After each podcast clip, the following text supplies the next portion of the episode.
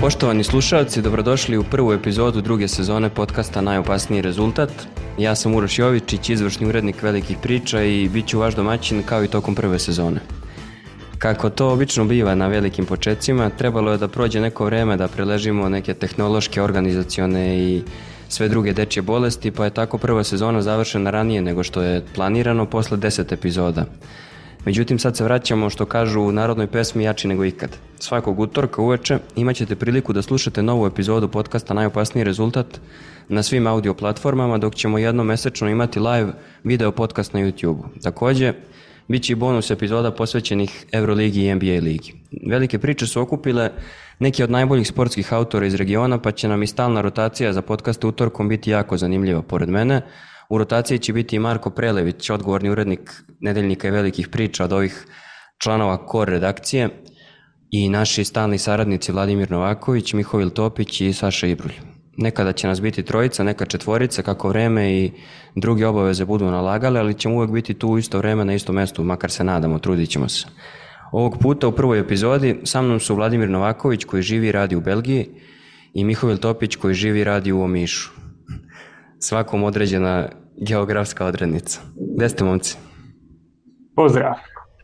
Ćao, u, u, u Antwerpen. Tako Gde si ti? Evo, u Bulevaru Kralja Aleksandra. Dakle, prva tema o kojoj ćemo pričati u, u drugoj sezoni najopasnijeg rezultata bit će evropski kupovi, tačnije grupe koje su izvučene na žrebovima održanim u četvrtak i petak.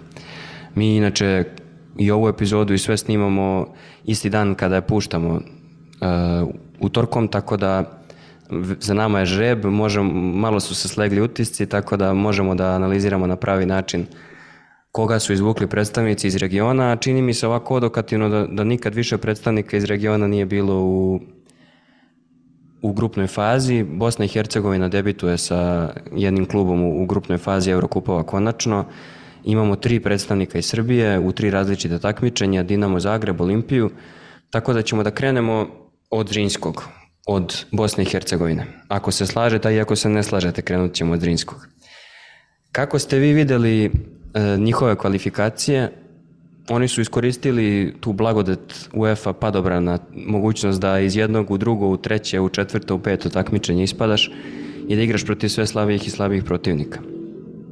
Kako je vama izgledalo, Vlado? Kako je tebi izgledalo to što je Zrinski pružio u kvalifikacijama? O, Nije mi izgledalo ništa posebno, ali to takođe nije pos- posebno ni bitno, s obzirom da i sam si konstatovao kako je napravljen sistem takmičenja u UEFA, e, sve ćemo češće vidjeti ekipe koje dolaze do e, grupne faze praktično sa jednom jedinom prođenom uh, utakmicom, to je sa jednim jed- jedinim prođenim dvomečom i ne treba tu sad nešto praviti neku posebnu filozofiju, kompletno takmičenje Ligi konferencija je napravljeno najviše rekao bih zbog onih u prvom šeširu da bi mogli da osvoje nešto i zbog onih u četvrtom šeširu da bi mogli da se pojave i da uh, uh, naprave nekakav uh, iskorak, da, da, da se plasiraju prvi put u Evropu. Lepo je videti da je konačno još jedna eksiju država stigla do, do, do Evrope, sada je ostala još samo Crna Gora i čekam da vidim koja magija treba da se dogodi da bi oni stigli, eto, Zrinski je stigao u isto vreme kada je, kada je Island i Farska ostrva. To, to zaista dosta govori. Ti voliš Zrinski, ti si valjda jedini član naše ekipe koji u tom mostarskom derbiju navija za Zrinski, jel? Pa mo, mora neko da navije i za njih. Ovaj. Da, ovaj, sviđa mi se kako igraju futbol, gledao sam ih dosta kada je um, Jakirović bio tamo i to je baš izgledalo sasvim ok za standarde futbola na, na, na novim prostorima, pre svega u, u PLBIH. Ove, i, I zbog toga uh, sam, sam nastavio da ih pratim malo, malo pomnije u, u godinama uh, uh, posle toga. Mada dobro, verovatno ćemo njega, njega ćemo se dotaći sasvim sigurno malo ozbiljnije u nekim drugim pričama kasnije. Ono što jesu njihovi objektivni problemi, to je što kada imate ligu kakva je premijer Liga Bosne i Hercegovine, to vas e, e, znatno ograničava, vidimo to i na primjeru ostalih e, klubova u regionu, gde jednostavno ako sa domaćeg plana ne dobijete nikakav podsticaj finansijski i, i generalno takmičarski da, da podignete nivo, to može da izazove dosta problema. I e, zanima me zapravo kako će izgledati naredne sezone sada kada su oni došli do novca koji je, pa rekao bih, nezamisliv za, za konkurenciju u, u, u Premier Ligi. E, za njih će ovo sasvim sigurno biti prilika da, da malo uče. E, grupa je jako neugodna, ali mislim hm. generalno bilo ko iz, iz, iz D šešira, osim Nočelena, nije, nije baš imao prostora da se mnogo nada nečemu u, u, u grupi s obzirom na poveliku razliku u kvalitetu. E, sad Ovo što bih... si spomenuo sad da, da. Za, za to kako će izgledati do godine, iduće i onih tamo godina, s obzirom da su probili sad tu granicu da će dobiti nekakvih 4-5 milijuna eura, a mislim da je to i nekakav light motiv svega ovoga kad pričamo o tom championship e, putu, kad pričamo o tom putu prvaka koji je eto Zrinskom otvorio put, koji je Dinamo na kraju kraja ove sezone otvorio put. To je nešto što je, što je UEFA uvela kako bi se malo smirile strasti, kako bi zamaskirali to da Liga prvaka odavno nije Liga prvaka. Prvaci imaju tu nekakvu, nekakav padobran koji se otvara i koji ove naše lige pa bila to Srpska, Hrvatska, BiH, Slovenija, te srednjoeuropske lige čini u suštini neodrživi, ne, nepošteni. Jer situacija u kojoj Dinamo bio zadnjih 10 plus godina, situacija u kojoj se sad našao Zrinski, pa i Slavija Prag, pa i Ferenc Varoš i možemo tako vrtiti u nedogled, količina euro novaca koje dobiju je ogromna i, i to je na domaćem tržištu nemoguće uhvatiti. Tako da jedan put kad se dočepaš to Europe, ti si siguran idući, ti si siguran prvak iduće tri godine, pa to čak ni Milorad Dodik neće moći promijeniti u BiH. A kaži mi, ti si pažljivo pratio šta je Jaki radio kad je preuzeo Zrinski, on je realno postavio temelj ovoga što se sad dešava tamo. Šta misliš da su bili, bile ključne stvari koje on uveo? Mislim da smo i u tokom prve sezone pričali o, o, o Zrinskom u jednom trenutku, u jednoj epizodi dok smo radili pregled ovih e, regionalnih tema. Kako ti, kako ti izgleda to što je on uradio i šta misliš da su ključne stvari koje on postavio na koje su se kasnije nadovezali oni koji su ga nasledili? Meni je zanimljiva jedna stvar, kad on dolazi u Mostar, on je tamo morao nagovarat e, ljude da mu dozvole stav, da mu dozvole ljude koji će voditi sa sobom. Rečeno mu je ok, povedi jednog čovjeka i on je rekao, ali meni treba tri, četiri, pet ljudi. Meni treba analitičar, meni treba kondicijski trener, jer su ono gledali u njega kao koji će ti to brak. I onda je pokazao rezultatima da to ima neku, da to ima neku svrhu. U trenutku kad je on došao, mislim da su samo tri kluba imala uh, video analitičara, taktičkog analitičara u klubu mislim da je time pokazao da je, da je to nekakva vrijednost, da, da, da ti stafovi imaju smisla, da to nije samo uhljebljivanje prijatelja, nego da tu može dobiti vrijednost. A ono što Jakira zapravo izdvaja od svih tih hrvatskih trenera koji su išli u BiH, koji su tamo bili i u Zrinskom i u Veležu i svugdje okolo, Jakir je lik koji kad nije radio i kad je bio ono poslije Maribora u u otkazu. To je čovjek kojeg ste mogli vidjeti uredno na svim utakmicama druge lige, na svim utakmicama prve lige u Hrvatskoj koji je obišao stotine i stotine utakmica u trenucima kad nije radio. On je došao u Zrinski sa popisom igrača na koje zna da može računati, na koje zna da ih može dovesti financijski, da to Zrinski može iznijeti i ima jasnu viziju šta, kad i kako želi taj isti popis ne funkcionira za Dinamo, to je svima jasno.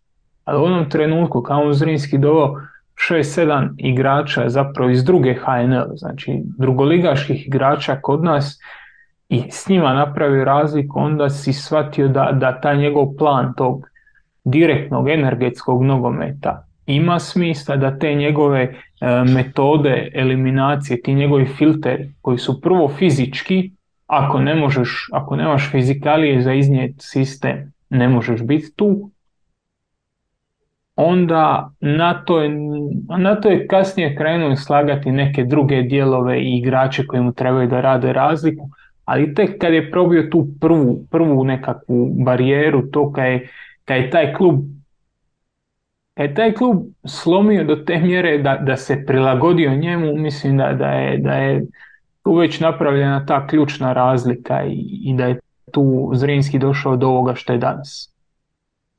Da, mislim da je, da, da je ova grupa ipak nešto što će predstavljati veliki izazov jer Zrinski neće moći kao u svim ostalim utakmicama, nije mogao duša ni tokom ovih kvalifikacija, osim onog jedinog dvomeča koji je zapravo i pobedio, neće moći da igra kako on želi i neće biti u toj poziciji da i tim nekim inovacijama u organizaciji kluba i inovacijama u, u igri sve to što je Jaki uveo neće zapravo to predstavljati neki važan faktor s obzirom na to da su izvukli grupu koja je stvarno onako respektabilna i tako to da kažemo. Aze Alkmaar, Aston Villa i Legija. Vlado, kakvi su tvoji utisci? Šta misliš koliko bodova će da osvoje? Mislim da svaki bod koji osvoje zaista čist samo plus. E, ono što je Miho malo pre rekao, to je ta civilizacijska razlika. Mi u istom trenutku moramo da pratimo šta rade Brighton i Brentford i, i šta rade klubovi u kojima se dešava ovo što je Miho sada rekao, kao šta će ti kondicioni trener 2000 koje 20. godine je došao, tako. Ove, I e, jednostavno od nekuda se, se mora početi. Dešava se ponekada da, da neka ekipa i sa ovakvih prostora i sa anahronim sistemom, mislim, krenimo od Zvezde, Zvezda krenula užasno anahronim futbalom, 2017. godine uletela u taj pucanj kada je novac počeo da se preliva i na druga takmičenja, ne samo na Ligu šampiona i eto dokle je stigla.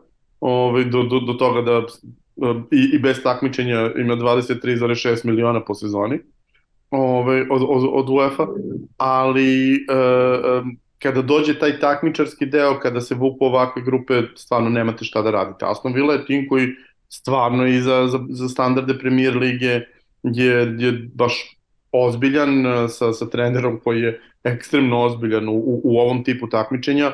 Alkmaar je pokazao u prethodnim godinama, iako imaju stalni protok futbalera gde svake godine praktično jedan, dvojica, trojica najbolji hodu za velike pare, ali stalno i stvaraju nove i pronalaze nove igrače, tako da, da će biti opasan.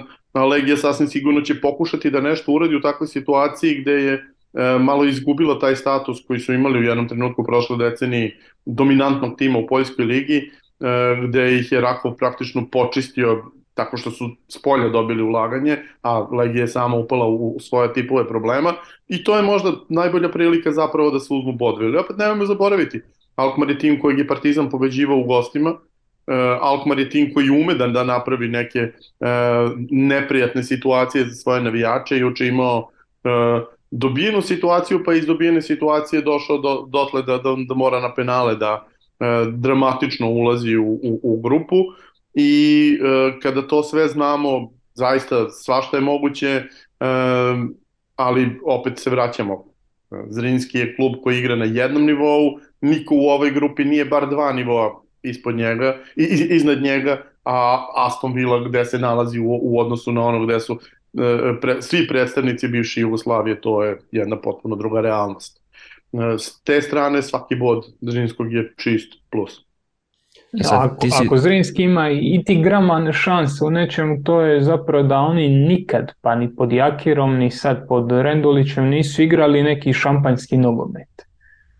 Njihov dobar kontekst je kontra i to su recimo protiv Laska pokazali gdje su stvarno bili su konkurentni Lasku. Znači moguće da će biti konkurentni i, i, i, i Legiji, ali to je otprilike to biti konkurentan i lupat se nogom u guzicu za svaki bod koji osvojiš, to je u ovoj grupi realnost.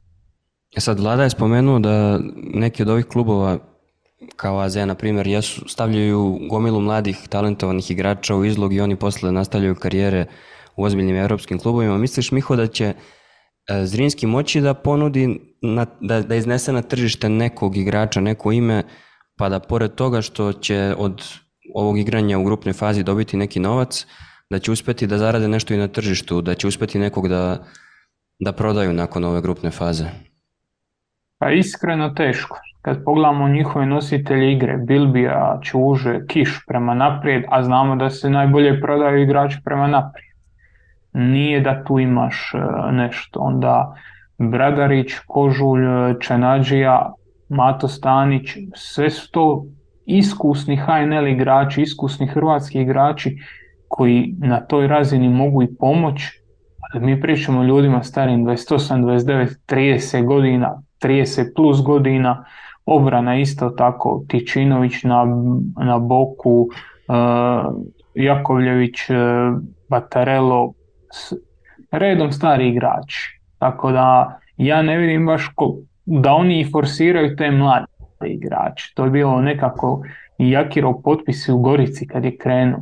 Iskusni stari igrači od kojih znaš šta možeš dobiti, u kojih nema previše nema previše nekakvih oscilacija, nečega, oni odrađuju to što odrađuju. Kad pogledamo tu utakmicu protiv, protiv Laska, te, teško je da tu možeš naći da nekoga ko, ko, tu može, ko tu može se prodati. Njihova prosječna, prosječna starost je bila 29 godina u toj utakmici.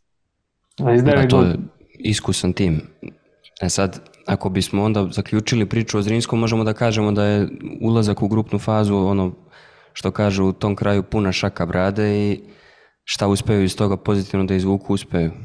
Pa vidi, ovaj, prvo to apsolutno stoji. Ulazak konačno nekoga iz Bosne i Hercegovine je stvarno veliki iskorak u odnosu na ove sve prethodne godine. Nekoliko puta su bili blizu. Zaboravili smo sve vreme da, su, da je čak i pre Hirović Zrinski izbacio Utrecht, ili tako?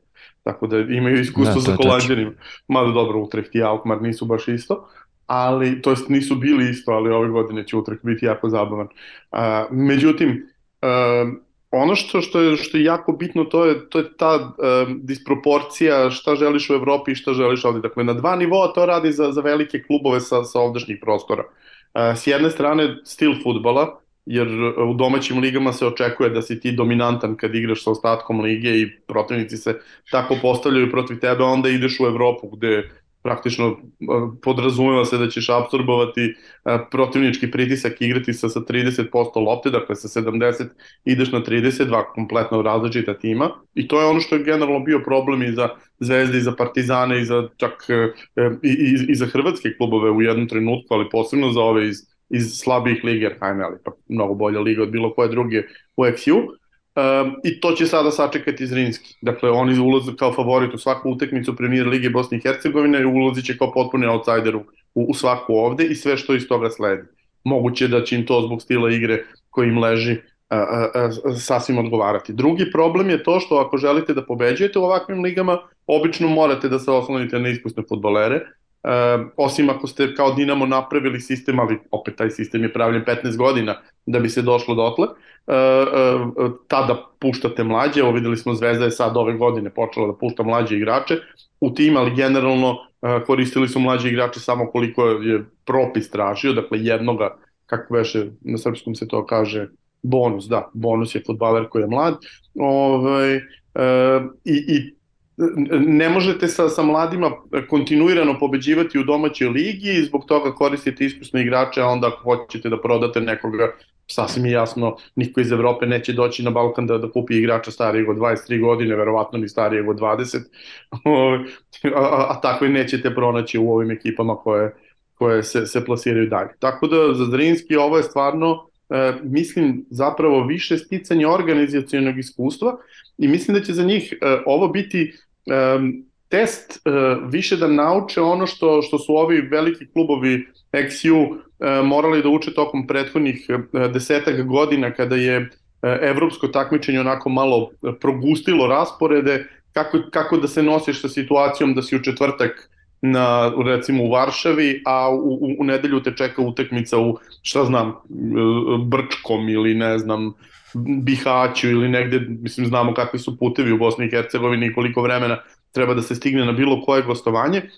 I s te strane, to je nešto na šta nisu navikli klubovi u, u, u toj ligi, e, završi se sve u avgustu i onda posle toga imaš jednu utakmicu nedeljno. E, kako se snalaziti u situacijama gde tebe čeka neki derbi u Sarajevu, gde se protivnik sedam dana spremao za tebe, a ti si stigao kući u, u petak u zoru. Pritom Zrinski već, Zrinski već kasni, ima zaostatak od dve ili tri utakmice u odnosu a, na neke... To, to, je, to je normalna situacija. E, dosta se priča na Balkanu o tome, ja, evo, ovi odlažu utakmice, to rade apsolutno svi. E, I po Holandiji i po Belgiji se odlažu utakmice i generalno ne, ne, u celoj mislim... severnoj ekipi Tako Biće da, da, da, komplikovano njima da nadoknade u smislu kad im se Dobro, to, to, kalendar. To, to, možeš da, da, da prebaciš na proleće, tamo neće imati evropskih obaveza, oko toga ćemo se svi složiti. Ove, um, sve, sve te stvari, dakle, dakle to uh, učenje uh, tehnologije igranja sa evropljanima, sa ekipama koje su mnogo jače, jer ako ti ispadaš do sada od jednog laska, a sada prelaziš na Aston Villa, to je opet dramatična razlika. Sećamo se kako izgledalo kad je Lask igrao sa Unitedom u trenutku kad su bili najbolji u prethodnih 10 godina i izgubili lagano 5-0 kod kuće od jednog Uniteda koji je do tog trenutka izgledao sačuvaj Bože. Ove, a ne, ne, ne mislim ikako da je ova današnja vila slabija od tog ovog tima. Ove, I, I onda, kako se zove, s jedne strane učiš to, dakle učiš da igraš sa timovima koji su stvarno mnogo viši nivo, možeš da naučiš i nešto gledajući šta se tamo dešava, jer ti ćeš doći tamo dan, dva ranije, malo ćeš da gledaš njihov trening centar, malo ćeš da vidiš nove stvari, pa onda neće morati da dolazi neki trener iz, e, da, da, da, da te ubeđuje da dovedeš kondicionog trenera, nego ćeš videti šta sve u Alkmaru postoji oko stadiona e, i e, sa druge strane, dakle, taj test za, za domaću ligu, koliko ćeš biti spreman da igraš naporne utekmice, jer to jeste naporno. Ja sam deset godina išao na gostovanja sa, sa timovima po Evropi, gde stignemo kući u, u, u petak, u, u, ne znam, pola četiri ujutru i sad treba, ja, ja idem na, na posao u, u, u subotu i onako, malo sam neispavan, a, a oni treba da igraju futbol u nedelju. Nije baš sve jedno. I, i, i s te strane ovo će biti za njih izazovna sezona, ali mislim da, da, da ta količina novca koju su zaradili e, će dosta da im pomogne u narednom periodu. Uh, vidjet ćemo da li će nešto da, da urade do kraja prelaznog roka, da li će dovesti još neko atraktivno pojačanje, ove, ako ništa drugo, bar za, za, za te potrebe u domaćoj ligi. Ne znam, jeste ispratili, kad smo kod atraktivnih pojačanja, ko se povezuje sa Crvenom zvezdom, evo, srpski mediji su preneli da je Mason Greenwood navodno da, na meti Crvene zvezde, što bi rekli, makar dolazi u neku zemlju gde možeš mirne duše da bije ženu, neće da te uhapsi policija, nećeš biti ni procesuiran, tako da možda se dobro uklopi momak. E sad, e, kad smo zaokružili Bosnu i Hercegovinu i njihovog predstavnika, Uh, sviđa mi se ova vladina tišina koja je značajna na ovu priču o Greenwoodu. Kako se zove, kad smo zaokružili Bosnu i Hercegovinu, da pričamo o klubu koji je sušta suprotnost uh, Zrinskom u tom smislu evropskog iskustva, pristupa organizacije i svega ostalog, pričamo o timu koji je, o klubu zapravo koji je u regionu u tom smislu najiskusniji i koji već čita u deceniju, hajde da kažemo, od onog vidinog pogotka pred kraj uh, ima neki kontinuitet u, u Evropi i zanimljivo je da je sada zatvoren krug, da je Vida pogodio tad, to smo se Miho i ja dopisivali tokom utakmice, Vida je pogodio tad na samom kraju utakmice sa Ludogorecom, ali tako beš? Ludogorec, da. A sad je pogodio u, u poslednjoj desetinki utakmice protiv Zajek protiv Dinama, tako da zatvorio se jedan krug. Dinamo je iz ove perspektive, možemo da kažemo, iz perspektive tih rezultata podbacio u Evropi. Se slažete sa mnom? Apsolutno. iz, ove, iz koje perspektive ne bi podbacio u Evropi. Jedva su se, na, na mišiće su se uvukli u ligu konferencija, to je stvarno Pa znam, debakl. ali pogotovo za njih je to debakl. Da, da, baš je debakl. Miho, Smo, da te čujem. Ajde, nek Miho krene. Pa, apsolutno se slažem s tim da evo, danas sam imao baš jednu raspravu kao, nije Dinamo ni prošle godine igrao, pa Ferenc Varoš, pa Bodo Glimt, pa jedva prošao, pa nije Dinamo ni prošle, pa nije ni onaj tamo, pa Dinamo je u zadnjih pet sezona dva put igrao grupnu fazu Lige prvaka, tri puta uh, Europsku ligu, od ta tri puta u Europskoj ligi dva puta je prolazio dalje. Izbacio je Tottenhamove ovog svijeta, igrao je Al Paris sa Seviljom, sa Villarealom, pobježio je West Ham, znači Dinamo se pokazuje u Europi kao neko ko je konkurentna momčad. Prije deset i više godina bio sam, još sam dobar prijatelj, on više ne radi u Red Bull. Red Bull Salzburg je dolazio a, na Maksimir, pa smo se našli, ono, popili smo piće, porazgovarali i kao bilo je, ma ok, Dinamo naš, Dinamo, nije problem Dinamo. Jer Dinamo je tih godina imao reputaciju kluba koji se zadovolji time da uđe u grupu, U tim kvalifikacijama je uvijek čupavo, Dinamo se bori, redovito ulazi, a kad uđe onda na njemu, na njemu oštri kogo hoće. Gol razlike 0-15 i ostalo.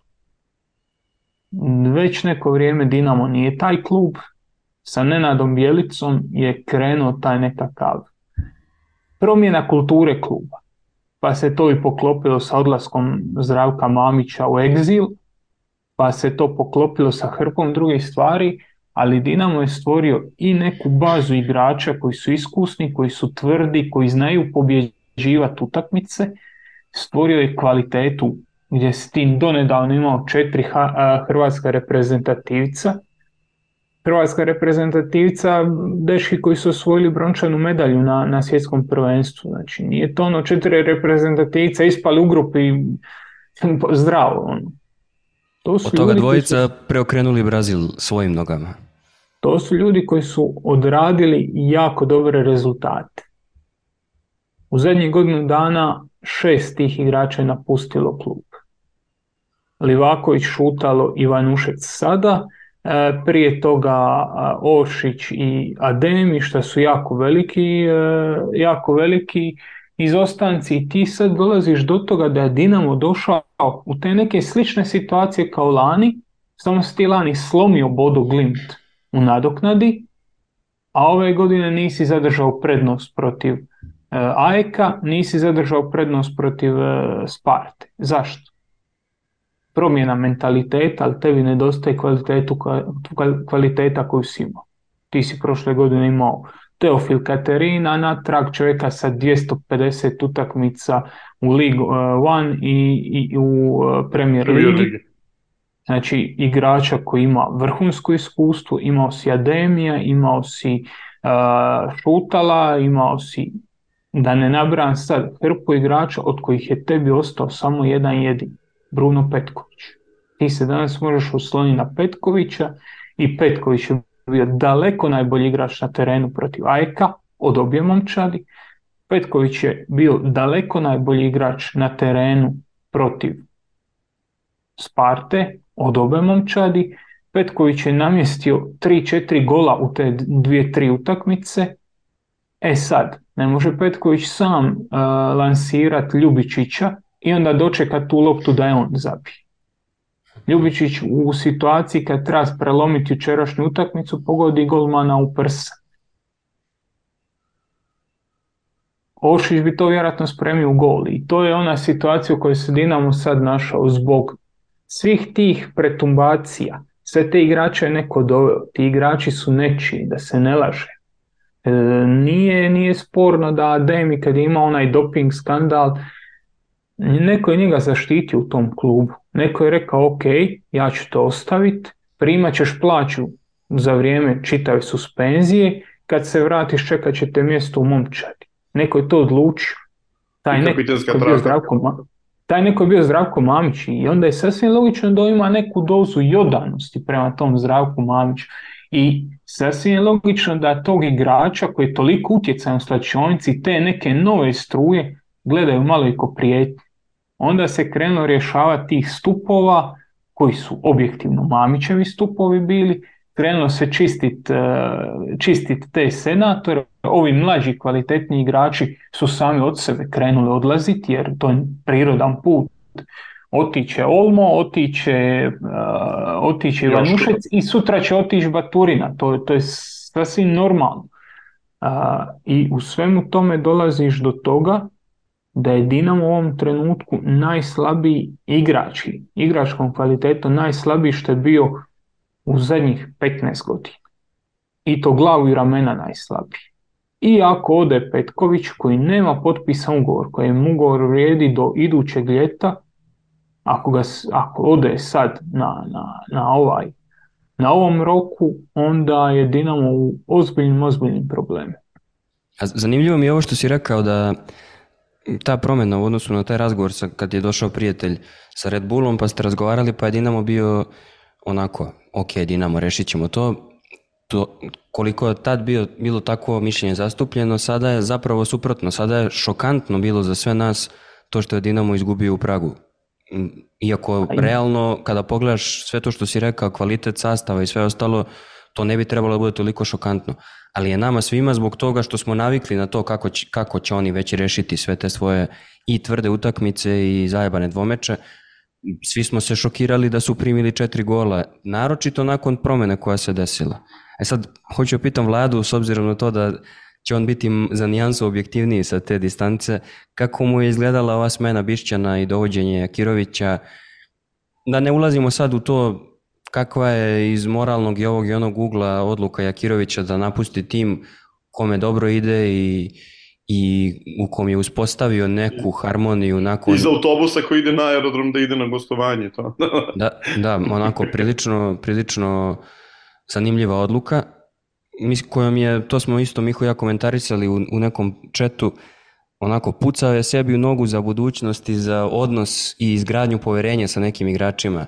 Rekao, neki od nas sa ovog iz, ovog, iz ove epizode podcasta su radili sa, sa sportistima i sa ekipama i znaš kako je teško da izgradiš tu vrstu poverenja i kako je lako da to poverenje izgubiš, tako da mislim da posle ove odluke neće mu baš biti lako da, da radi dalje sa, sa igračima i gradi takve odnose, ali mene više zanima, Vlado, tvoj, tvoj utisak, da li je Bišćan trebalo da bude nogiran i, i Da li si iznenađen što Jakirović nije doneo tu pozitivnu promenu? Sad, to je zanimljivo, to su Miho i ekipa iz tribine u poslednjem, poslednjem epizodi analizirali, mislim da je baš Miho rekao kada ode trener iz ekipe koja je loše ide i dođe neki novi, on uvek donese dobru energiju. Kada odeš iz ekipe u kojoj sve dobro ide, teško će se desiti ta pozitivna promena. Dinamo nije išlo dobro, ali opet ne deluje da je Jakir, ok, ubili su Rijeku u HNL-u, ne deluje da je doneo tu vrstu pozitivne energije kakva se obično donese posle takve promene, jel? Da, to, to je postalo tradicija hrvatskog futbola, znamo koliko puta su oni uh, u situacijama kada je kraj kvalifikacije ili play-off za plasmu na veliko takmičenje u onim godinama u kojima su gradili uh, uh, ovaj iskorak ka, ka ponovo polufinalima i finalima završnice. E, e, stalno su menjali selektore čim vide da ne ide, ali ih menjaju upravo u tom ključnom trenutku kada žele da, da, da, da poprave atmosferu i da podignu ekipu. I obično je radilo. Uvek su posle toga poveđivali, sećamo se onoga čuvenog meča sa Ukrajinom gde selektor stiže otprilike koliko, dva dana pred utakmicu i, i, i pobeđuje u Kijevu i uh, iz toga se, se, se razvija reprezentacija koja će igrati finale svetskog prvenstva.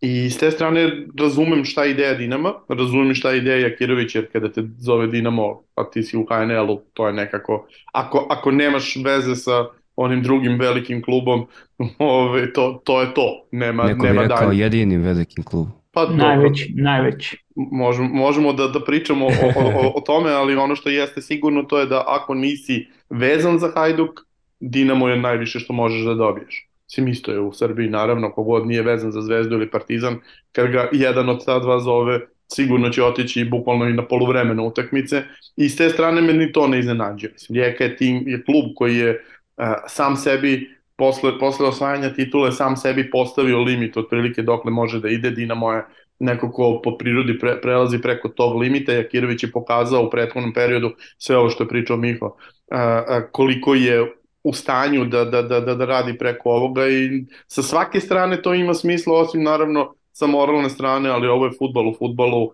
jako malo ljudi vodi računa o moralu, to smo, ako smo nešto naučili, to smo naučili ove, ovaj, i, i na, na tom sportskom nivou, a i van sporta. Ove, ovaj, I onda s te strane ništa to meni ne, ne deluje čudno i sve mi deluje logično.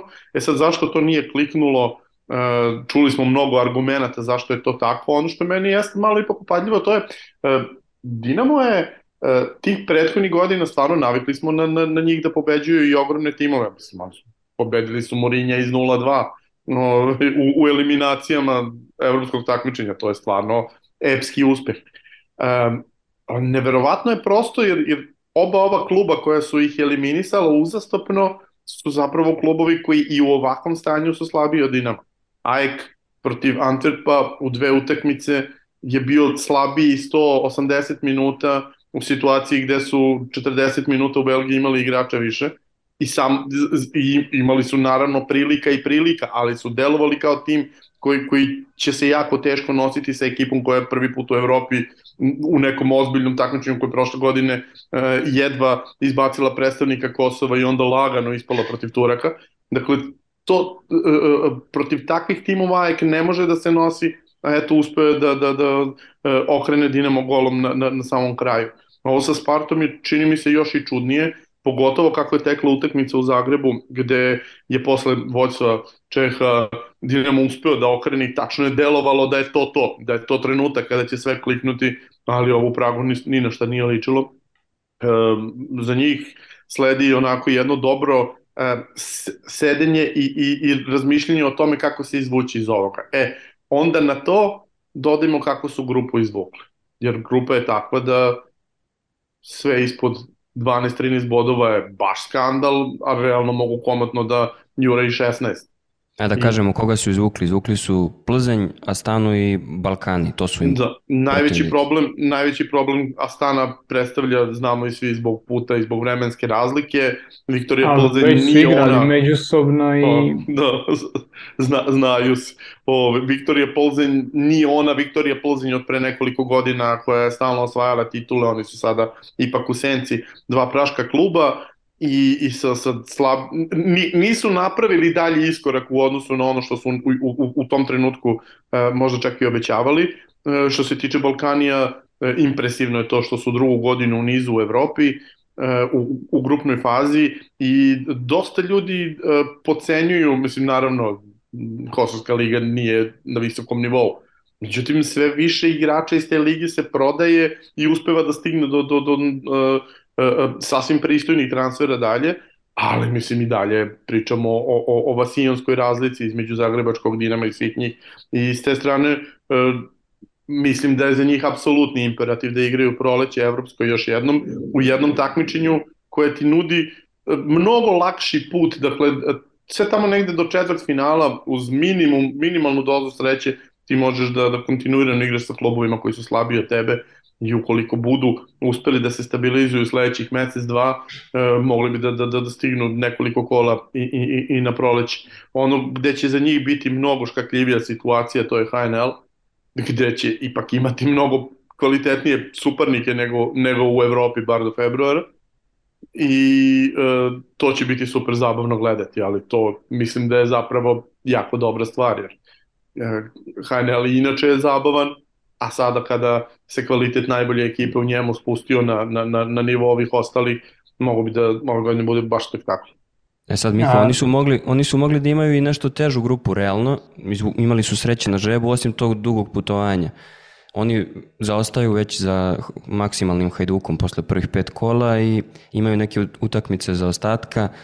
E, sada, na primer, igraju protiv Osijeka u prvom, prvom sledećem izdanju u HNL-u. Ono što me zanima je kako ti misliš da će uticati uh, igranje Lige konferencija na, na njihova izdanja u HNL-u i da li misliš da, da bi to moglo ozbiljno da ih uzdrma u nekom trenutku, naročito što postoji realna šansa da stignu daleko i da ostanu u Evropi i da igraju ono paralelno, na primjer do marta ili možda čak i početka aprila?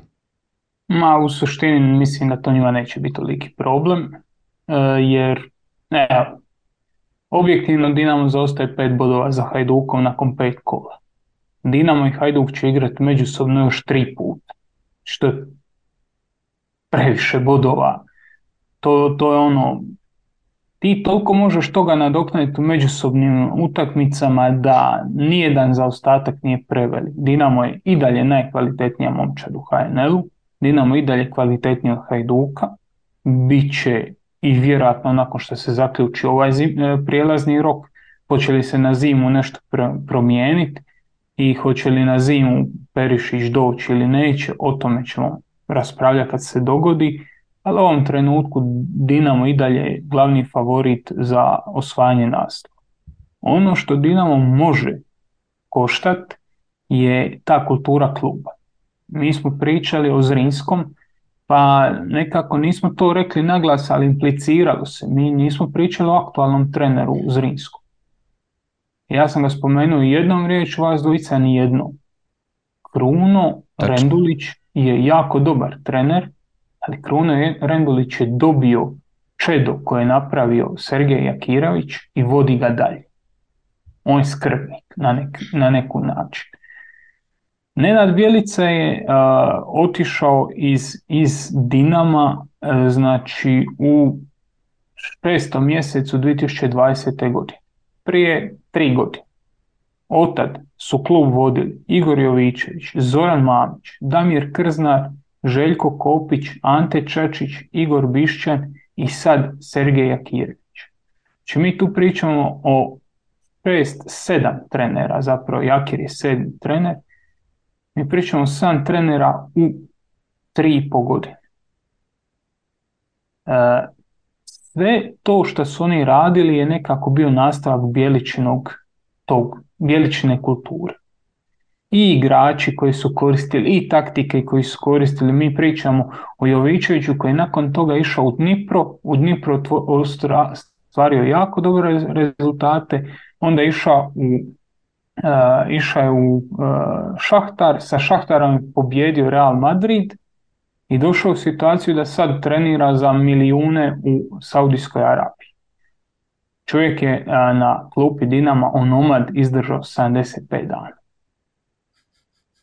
Nije to bilo prije 10 ili 12, on je bio na klupi Dinama prije 3 godine. Dinamo je nekako preživljavao na tom valu bijeličine kulture i te stresne, stresne situacije Naučio je pregrmit preko bijelice. Ovo je sve dosad bila bijelična muča.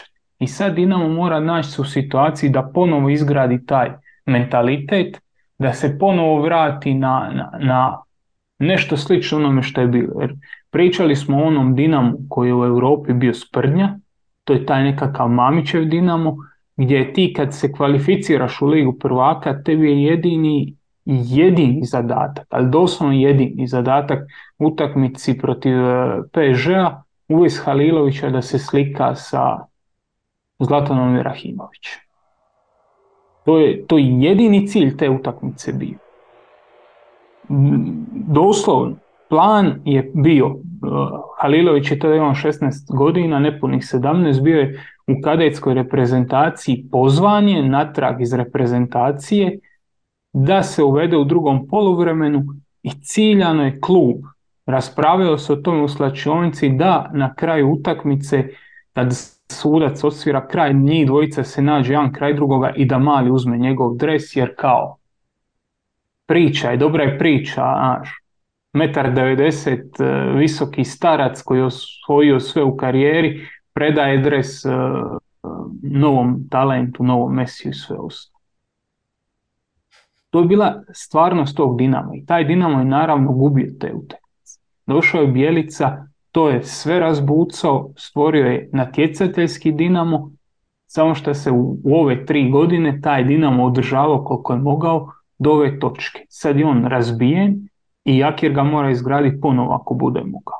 Ja mislim da će moći i zato ne vjerujem da će biti toliko velik problem HNL. Kažem, previše je derbija u HNL. Hajduk e, još tri puta čeka da mora igrati uzastopno Dinamo Osijek Rijeka. Što su uzastopne utakmice? Dinamo Osijek Rijeka. Tri utakmice gdje je ono. Ako želiš biti prvak moraš e, pobijediti bar dvije od tri.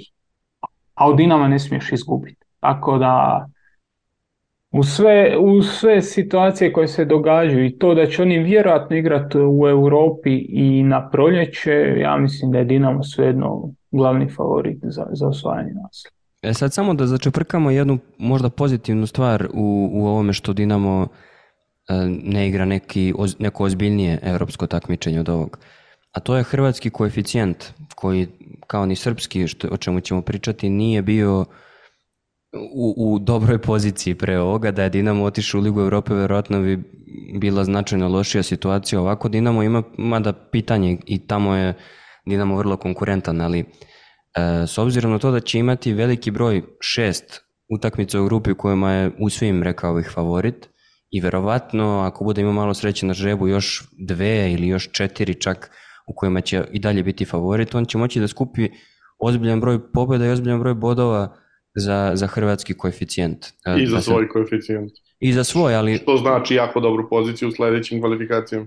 Što je dosta bitno s obzirom na promenu formata Lige šampiona i svih svega ostalog. Možda ljudi ne znaju, ali sljedeće godine uh, od ovih prvaka, pošto se mijenja koncept čita ih i kvalifikacija i svega, uh, prvak s najboljim koeficijentom, ako i nije već u ždrijebu grupne faze Lige prvaka, ulazi izravno. Vrlo lako će to biti Dinamo. Znači, vrlo lako će se dogoditi Dinamu da dogodine, ako postane prvak Hrvatske, izravno uđe u ligu prvaka. Pa mislim da je teže da, teže da osvoji HNL nego da bude najbolji, tim sa najboljim koeficijentom.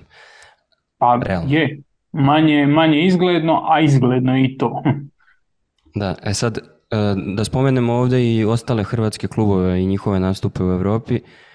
Najbliže grupnoj fazi je bila Rijeka koja je i pored tog udara koji je doživjela da trener ode u nekom trenutku koji je potpuno neočekivan i realno pred sam dvomeč sa, sa ozbiljnim protivnikom u, u play-offu za, za ligu konferencija. E, oni su uspjeli da odigraju vrlo dobar dvomeč, da u prvoj utakmici vode i da budu konkurentni, da u drugoj utakmici realno imaju možda i veće šanse u nekom trenutku da, da prođu dalje. Gledao sam baš one procente u live kako se to menjalo. U nekom trenutku kada je, kako odmicala utakmica, delovalo je da i psihološki i na svaki drugi način Rijeka ima veće šanse, iako igrala protiv ozbiljnog protivnika. Možda nije loše spomenuti koliko su zapravo ozbiljan tim imali preko puta sebe. Jedan od, od najozbiljnijih i najorganizovanijih timova u toj ligi koja je onako prokužena kao nedovoljno elitna, ali ni nedovoljno nekvalitetna u odnosu na druge europske.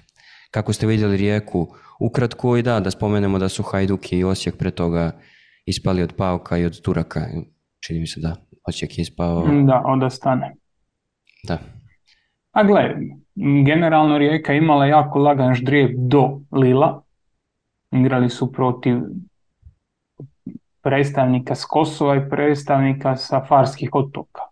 Tako da on, nisu se baš oznojili do tu. Tu ih je malo ugazilo sa Lilom, s tim da su stvarno igrali jako dobro protiv Lila.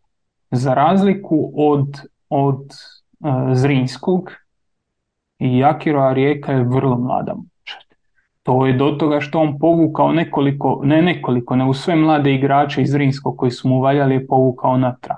Počevši sa Jankovićem pa nadalje došao je do toga da e, ta momčad nema nekakvo iskustvo, a i nema ni tu veliku širinu.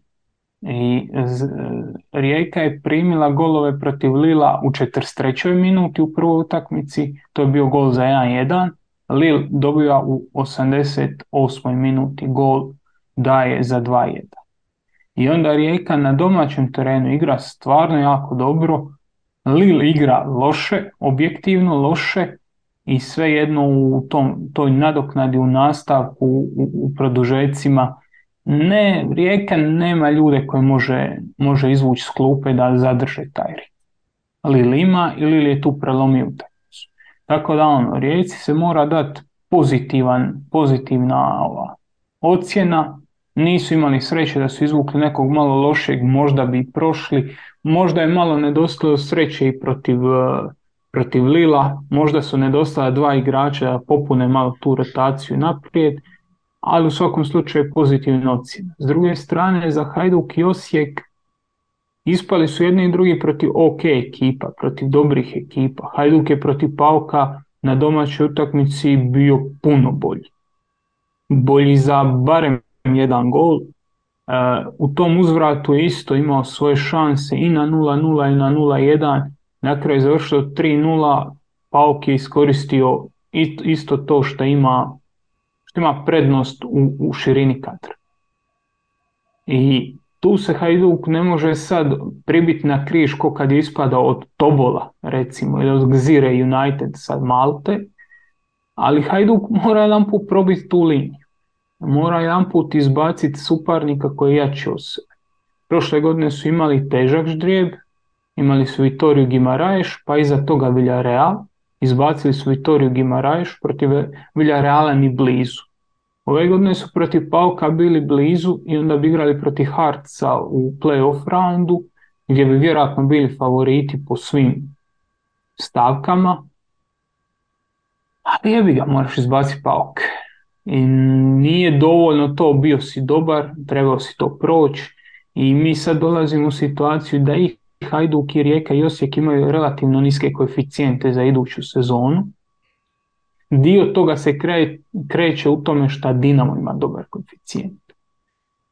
Dosta klubova iz tih srednjih liga imaš tu rotaciju na vrhu. Pa jedne godine Slavija prvak, pa je druge godine Sparta prvak, pa svako ima pravo, odnosno ima luksuz iskušati taj eh, padobran prvaka i onda uspiju nabildati dovoljno svog koeficijenta da u onim godinama kad nisu prvaci imaju nekakve on, povoljnije ždrijebu. Hajdu kad poglaš, stvarno imao teži ždrijeb u kvalifikacijama nego što Dinamo ima u grupnoj fazi e, ove konferencijske lige, ali to je to, to je to gdje si se našao. Dinamo je vječiti prvak, on i kad nije dobar, svejedno ulazi u grupe i osvaja osvaja, osvaja koeficijenta, Hajduk tu jedan put mora napraviti herojski poduhvat. Ove godine ga nije napravio i do godine je opet na isto, ista meta, isto ostojanje. A što se tiče Osijeka, Osijek jednostavno nije dovoljno dobar, nije dobar kao što je bio prošle i pretprošle godine i njihov susret sa Danom iz Turske je završio prilično očekivano. A Dana je tamo pobjedila malo nerealnom prednošću. Osijek je uzvrat pobjedio 3-2, ali ni u jednom trenutku nije imao šanse za prolaz. Tako da Rijeci, Rijeci pišom pozitivnu cijenu, a ovaj dvoje, a tu su gdje su. E sad kad smo kod, kod ono ocena pozitivnih i negativnih, možemo da se prebacimo realno na treću temu, odnosno na treću zemlju koju ćemo obraditi u ovoj epizodi, a to je Srbija i možete obojica ako se sećate, ako imate u rukavu, da mi kažete se sećate lošijeg početka europske sezone za neku državu i njene klubove. Ja se ne sećam da je neko izgubio ovoliko utakmica. E, srpski predstavnici, znači u Europi ove sezone Vojvodina, Čukarički, TSC, Partizan i Zvezda. Zvezda nije još nastupala. Partizan je u četiri utakmice pobjedio jednu, izgubio tri. TSC je poražen u svim utakmicama. Ostali svi psi po dva poraza, da. Poražen u svim utakmicama, Čukarički poražen u svim utakmicama, Vojvodina u svim utakmicama. 1-0-9, 5-25, to je skor srpske, srpske ligi do sada i no, rekao bih onako prilično realističan skor. Pa to je dosta interesantno zapravo pitanje. Srbija je došla u jednu zaista jako čudnu poziciju gde su dva kluba donosila apsolutno sve bodove i tu je Srbija u prednosti u odnosu na, na HNL jer su i Zvezda i Partizan kontinuirano donosili bodove iz Evrope i, i zato se i našla na ovom suludom mestu 11 zapravo ove godine vršila s dužnosti 10. s obzirom da je Rusija bila 11. Pa, ovaj, pa je Srbija dobila to mesto automatsko u grupi ali mislim Superliga Srbije ne da ne može da uđe u neku priču oko 11. mesta, nego po svim uh, karakteristikama je liga koja je tu negde oko 30. Dakle, tamo gde je bila pre 2017. Nemojmo zaboraviti, u letu 2017. Srbija ulazi u sezonu kao 28. I, i to jeste realno mesto. I onda je došlo do ove situacije gde su klubovi koji uh, su mladi svi, jer mislim Čukarički je revitalizovan 2011. na 12. u pola sezone, da TSC je klub koji je reizmišljen otprilike u to isto vreme, pa je te koliko pet godina u prvoj ligi, e, idu da igraju e, na nivou koji je nepojmljivo iznad njih. E, godinama unazad srpski klubovi još od on, one godine kada je Vojvodina u, u relativno zapravo onih godina kada je Vojvodina u, u relativno kratkom razmaku izbacivala predstavnike Italije i Turske, e, nema nikakvu pomoć od ostatka za Zvezdu i Partizan. Oni nisu uspevali da pobede ni klubove iz neuporedivo slabijih futbolskih zemalja nego ove, ove sa kojima se sada suočavaju. Evo, prekinut ću te samo na kratko, jer sam izla, izlačio sam baš za, za posljednjih pet sezona, znači ne računajući ovu za sezone koje, se, koje su se računale i ulazile u obzir za ovu sezonu i, i to da imamo pet predstavnika i čini mi se da je Zvezda uzela oko 60% bodova, odnosno doprinela sa 60% Malo manje, a Partizan sa, sa, skoro 40 i to je to, da. Tako je, tako je. I, i to ja je sam, ono... kad, kad smo kod vađenja podataka, ja sam vadio ne nakon ovog jučerašnjeg, nego nakon onog prethodnog. Srbija 2024. u tom trenutku imala skor 1.07 i kad gledamo ove najjače ove, lige, znači top 25, nećemo sad se sa San Marinom bakćat, Švicarska 2005. imala 0.35, znači 3 remije, Belgija 2018. je u tom trenutku imala 0.44, Izrael 2007. jedna pobjeda, dva poraza i pet, e, dva remija i pet poraza i zapravo još usporediva samo Grčka 2014. sa dvije pobjede, tri remija i sedam poraza. Znači ovo je jedan od najgorih baš ono jedan all time low uh, puteva koje je jedna zemlja ostvarila, a opet da ne pričamo sad baš o San Marinu, znači nego od 25 najboljih liga u tom trenutku. To je... Mislim, kad pričamo o ovim bodovima, ja sam izlačio Zvezdina sezona 2021-2022 je bila jako dobra, tu su doneli najviše bodova, a Partizanova prethodna.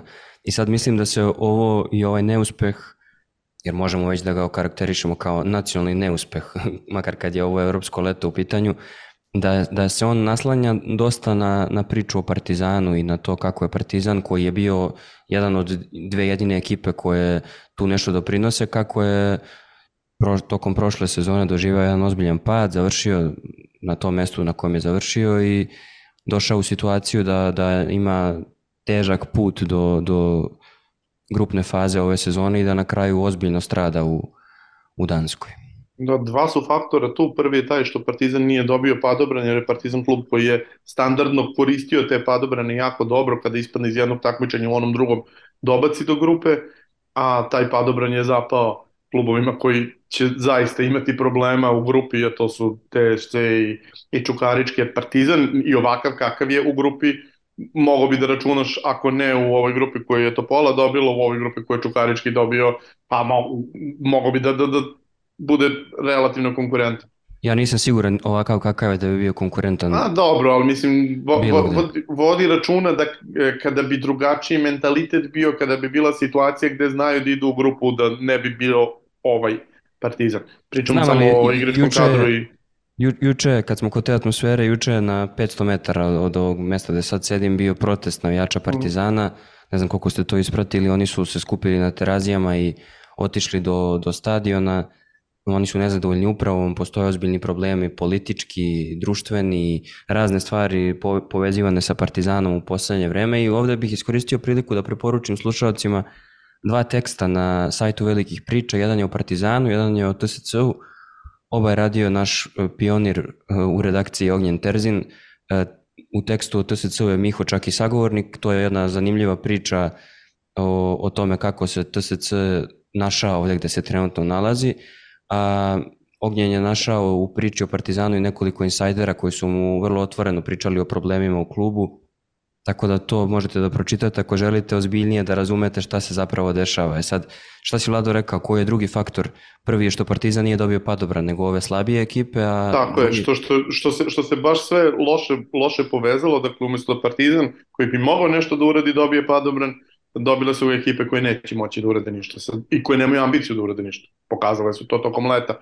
Sa druge strane, Zvezda, koja je do pre koliko, 2020. u leto posljednji put igrala od prvog kola kvalifikacija, sada došla dotle da ne igra ni jedno kolo kvalifikacija, dakle gomila onih laganih uh, ekipa sa Farskih ostrava, Gibraltara, pa Jermenija, pa Letonija, gde su lagane duple pobede i, i, i, i slične stvari su nestale iz, iz rasporeda i mi smo sad došli u situaciju da uh, su četiri kluba igrala, ali uh, objektivno TSC igra protiv Brage, to baš nisu timovi na, na sličnim nivoima, Čukarički igra protiv Olimpijakosa, važi isto, uh, Vojvodina je odigrala svo, svoj dvomeč takođe u situaciji u kojoj je realno, bar za klasu slabiji tim od svog protivnika. I praktično Partizan je imao dva protivnika protiv kojih je podbacio i protiv jednog i protiv drugog u odnosu na ono što je očekivanje, ali ni pošto zato što je Partizan bolji tim od Noršelena, nego zato što je Partizan u prethodnih 10 godina, a pogotovo u pa dobro, mislim, možemo da kažemo, zapravo kroz celu modernu istoriju, konstantno uspevao takve dvomeče da dobija, jer nemojmo zaboraviti Noršalen 2018. godine tako dolazi tako. u Humsku sa igračima kao što su Sko Olsen, Kudus, e, Damsgor, koji jesu svi klinci, ali sedam tih igrača su sada ili u ligama petice ili su zvezde, sada i Kudus u ligama petice, samo je Sko Olsen ostao u ovim ostalima gde je najbolji igrač klub Ruhja. E, Partizan iz te generacije nije uspeo nikoga da ugora u, u, u Ligu Petice, ali ih je pobedio i tamo i kod kuće. Dakle, imali su taj know-how o kojem smo pričali, ovo što sad Zrinski treba da stekne, što su Dinamo Partizan imali svih ovih 20 godina, a Zvezda naučila posle 2017. Um, umeli su da, da, da pobeđuju timove koji su to kvalitativno plus minus 20% od tebe, ali su klinci i neiskusni su u Evropi. E, sada su uspeli da, da, da, da to e, da prođu u Danskoj kako su prošli. Dakle, siguran sam da bi se porazom u Danskoj od jednog gola razlike Partizan u Beogradu prošli utakmicu. Nebitno što mislim da je Noršlen bolji tim, jer jednostavno Dobro, ali treba objektivno čudo. reći, Ove... Ovaj- treba reći da, da je danski predstavnik, da ne bih izgovorio pogrešno, jer kad pričam s tobom uvijek ću pogrešno izgovoriti, e, Danski jezik su, niko ne može da izgovori tačno. Dali su, ni, ni dali su pet golova u prvoj utakmici, dali su i šesti gol kojim je poništen i imali su samo od 76. minuta do kraja tri, mrt, da. mr, mrtve, ne može mrtvije šanse. Mogli su dati 15 golova Ma, bez da, da. problema. Ne, ne, ništa od toga nije sporno. Partizan se raspao tamo ali opet nemoj zaboraviti, Partizan je tamo dao autogol i napravio dva mega glupa penala, ono nisu penali koji se ok, kao napravio si penal, prešao te protivnik i to sve, ne, nego si napravio penal u situaciji u kojoj nije bilo bog zna kakve opasnosti, čak kod onoga prvoga ruku na srce vidio sam 15 penaličnijih situacija u velikim ligama koje nisu suđene u, u, u ovih nekoliko kola od kada je počela liga, a ta je suđen. Tako da... Hoću da ti kažem, ali... ali ne, ne, na, na... razumem te, ne, kažem ti, oni su se raspali potpuno, ali su se raspali sami. Dakle, sam, samo uništili su se ovaj tim Partizana bi u nekim drugim okolnostima, dakle da je drugačija atmosfera od, od njih mogao da bude mnogo konkurentni i morao da bude mnogo konkurentni. I s te Izvini, strane... moram, tu, moram tu da uletim, oni su se samo uništili sad u ovim kvalifikacijama i realno na kraju prethodne sezone, ali je pošteno naglasiti da se nisu samo uništili u potpunosti u, u poslednjih nekoliko sezona, već da je u pitanju realno monopol Crvene zvezde u smislu rezultata, u, u smislu čitave ja, lige. Ako to krenemo da, da analiziramo, onda bismo morali da se vratimo 15 godina unazad Slažim ili 12-13 godina unazad, kada je Partizan bio u monopolskoj situaciji, apsolutno ništa od toga nije iskoristio.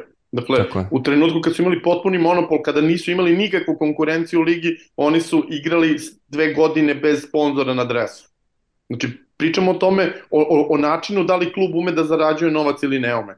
E, Partizan kao i Zvezda, kao i svi ostali srpski klubovi imaju problem što, na, što žive u zemlji u kojoj je futbol uh, ekstremno nemarketiran, u kojoj ne postoji nikakav način da ti zaradiš bilo kakve pare iz domaćih izvora, ergo potpuno zavisiš od toga šta, šta zarađuješ od stranaca, bilo od prodaje igrača, bilo od, od, sa, u posljednjih 6-7 godina od učinka u Evropi. Uh, pošto su Partizan samo dva puta stizao do Ligi šampiona u vreme kad je samo ona donosila neke pare, ovaj, uh, a sada ih, ih je dobio kontinuirano i to su sve realni problemi. Ti moraš da nađeš način da, da, da, da zarađuješ nekakve novce. Sada je taj način da se uguraš u, u, u grupe e, e, Evrope i oni su tu podbacili, ne samo što se nisu ugurali, nego su se zaista izblamirali i na terenu protiv jednog vrlo tanenog azerbejdžanskog tima su jedva prošli i na kraju su, e, i, ja kažem, e, ispasti od Noršalena nije strašno, način na koji su ispali jeste. E,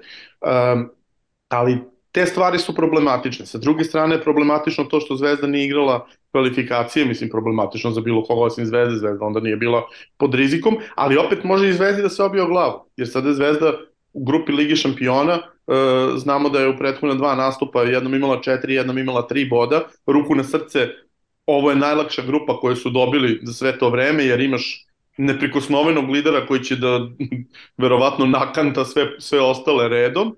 E, imaš Leipzig koji bi trebalo da rutinski uzme 12 bodova protiv ova dva preostale, imaš Young Boys kojim potpuno možeš da igraš. Poslednji put Zvezda igrala sa Olimpijakosom gde je odnos snaga ipak bio realno duplo jači protivnik, pa šta uradiš, pa je dobila tu utakmicu i onda sećamo se kako e, izgubila u, u Pireju onim penalom u 88 minutu.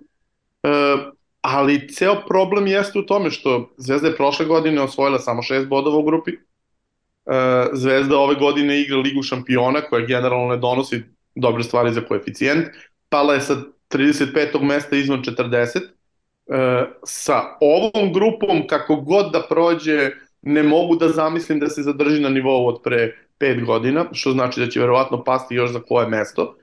I čak i da igra dobro, i da ima tim koji je bolji sada, a meni ovo jeste bolji tim nego onaj koji je bio pre dve ili tri godine, jer imaš igrače koje bih zapravo i doveo u, u nekakav klub za razliku od onoga tima od pre dve godine koji je bio baš prototipan onaj balkanski šampion koji dovodi 32-godišnjake da bi, da bi pobeđivali iz kola u kolo. E, na putu su dole. Dakle, u trenutku kada e, je još važnije imati koeficijent, Zvezda sebi smanjuje koeficijent, iako igra Ligu šampiona. I onda se, ovo je ono što se zove perfect storm, dakle napravio si, kad pričamo o kompletnom srpskom futbalu, um, u trenutku kada nikad nisi bio gori, ti si napravio situaciju u kojoj ćeš biti još, još, još gori i onda smo došli do ovog zaista epskog 1.09, lepo je rekao Miko, izračunao da on najgori učinak jedne top 30 nacije u u Evropi. Top 25, ovaj, molit ću. Ajde, top 25, izvini. Ovaj, top 30 mi je interesantno zbog toga što sam svoje vremeno e, kada su počele ta ovaj, e, paralelna istraživanja klubova po Evropi, e, e, u prvih 30 e, Srbija je bila uh, u proseku najsiromašnija liga, iako je tad bila, na primjer, 24. 25. jer ako zanemarimo ova prva četiri kluba, većina ih je tada igralo za, za, za godišnje budžete od milion, pa čak i manje.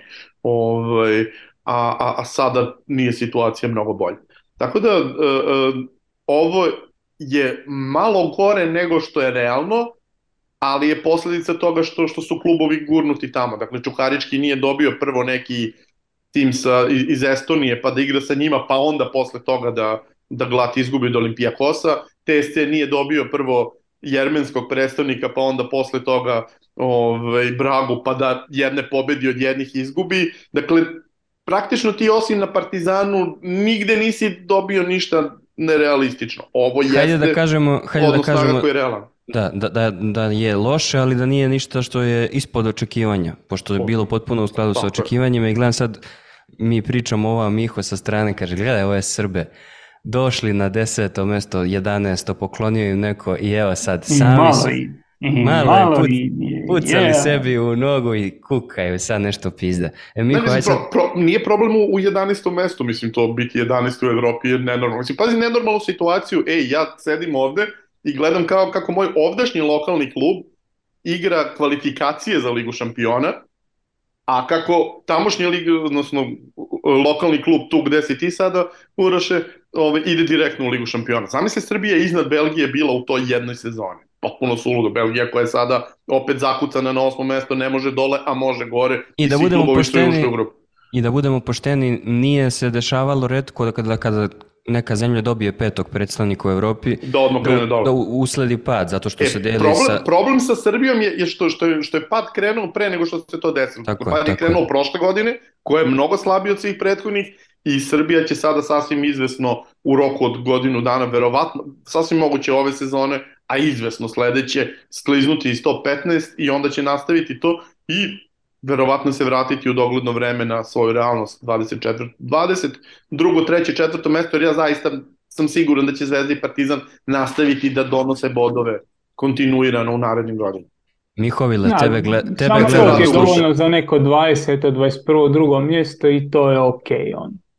To je kako... realno nekako mjesto svo dužno poštovanje i Partizanu i Zvezdi, to je realno mjesto Srbije od 22. 23. do 25. mjesta.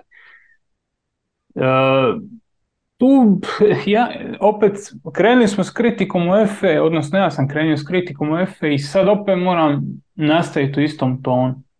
Meni je bizarno da isti broj bodova donosi Liga prvaka, bod u Ligi prvaka i bod u konferencijskoj ligi. Isto će značiti po pitanju koeficijenta i klubskog i nacionalnog, hoće li Zvezda dobiti Manchester City ili će Dinamo dobiti Astana. Balkani. ili da. Znači, to, to su bizarne stvari. Imamo tri natjecanja koja su jasno razdvojena po svojim rangovima, tri natjecanja koja imaju različite težine, a donose isti broj e, bodova za koeficijent. I mislim da je to odmah greška u dizajnu koja omogućava i to za početak, omogućava i to da dobiješ zvezdu koja je izravno sada.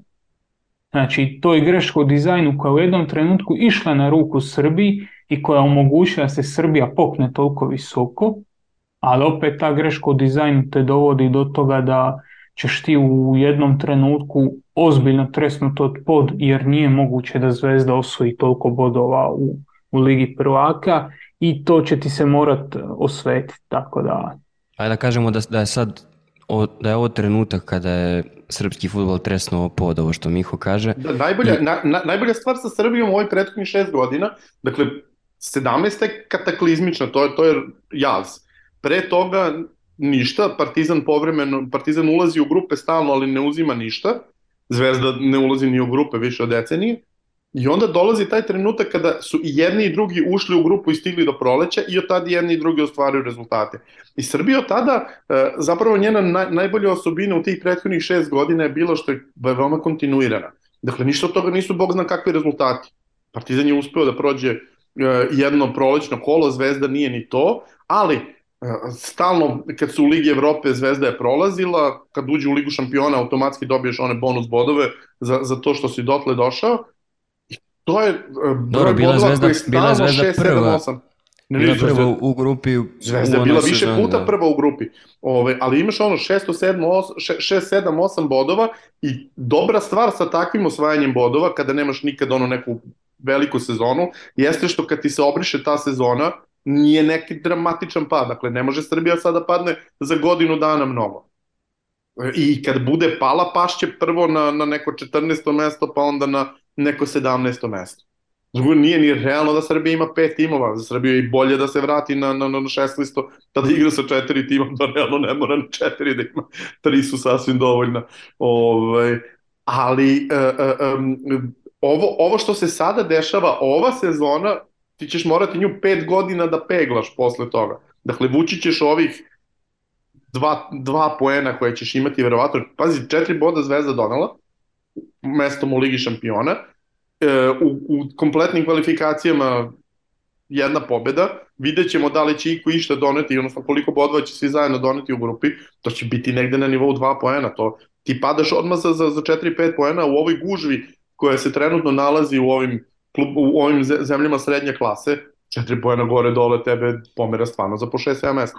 Evo, kad si rekao sad, da iskoristim priliku, kad si rekao da ćemo videti koliko će u grupnoj fazi ovi klubovi osvojiti, da spomenemo s kim igraju klubovi, jel? Čukarički u grupi sa Ferenc Varošem, Fiorentinom i Genkom, jedna ozbiljno teška grupa i TSC je u, u grupi sa West Hamom, Olimpijakosom i Freiburgom, jedna ozbiljno teška grupa. Miho, aj ovako ti si objektivan, kako je vlada malo pre mogo da sa distance da govori sad možeš i ti. Koliko misliš da će ukupno Čukarički i TSC osvojiti bodova u Evropi? Petri. Uh, e, brate. Šta, šta će da rade? Protiv da, koga? da otimaju. Petri voda. Što kaže, pobeda slu, službenim rezultatom nekog da pobedi. Mogu, moguće da se dogodi. Neko neće naći Leskovac, doći će na Banovo brdo. Čuka, Čuka bi mogla uzeti bod nekome, Ferenc Varoš se tu nameće kao, kao... Ferenc Varošu generalno ne vjeruje. Kad pričamo o Ferenc Varošu, nisam, nisam veliki fan i kad pogledaš ove njihove njihove kvalifikacijske putešestije kako su igrali protiv Klaksvika to je, to, to je bilo tužno gledati Nisi ti, brate, gledao Čukarički, ti ja kažem. A, moguće, ali nisam ne kaže dobi dva puta, u dvije utakmice može uzeti jedan bod. To je dosta. To je ovo što je vlada rekao, da je Partizan na mjestu Čukaričkog, mogli bismo da računamo na to i da razmišljamo o tome s obzirom na mentalitet, publiku, energiju i sve ostalo. 7-8 bodova ovako.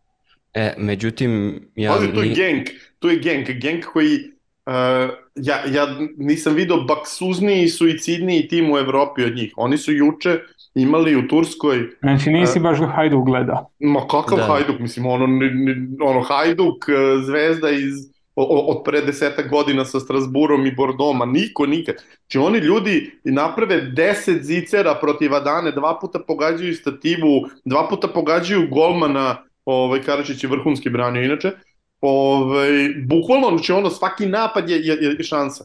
I na kraju završen na, na, na penalima. Prošle godine su bili u četiri utakmice bolji protivnik od, od svojih rivala i ispadali su oba puta, dakle oni se samo uništavaju u Evropi redovno i tu uvek možeš kad imaš tim kao Partizan, tu računaš tim da mogu da, da im naprave. Jako ponavljam, Genk je, Genk je prošle godine bar do polusezone dok nisu Onuačo poslali u Englesku, igra ubedljivo najbolji futbal u, u, u, u ove Župile ligi.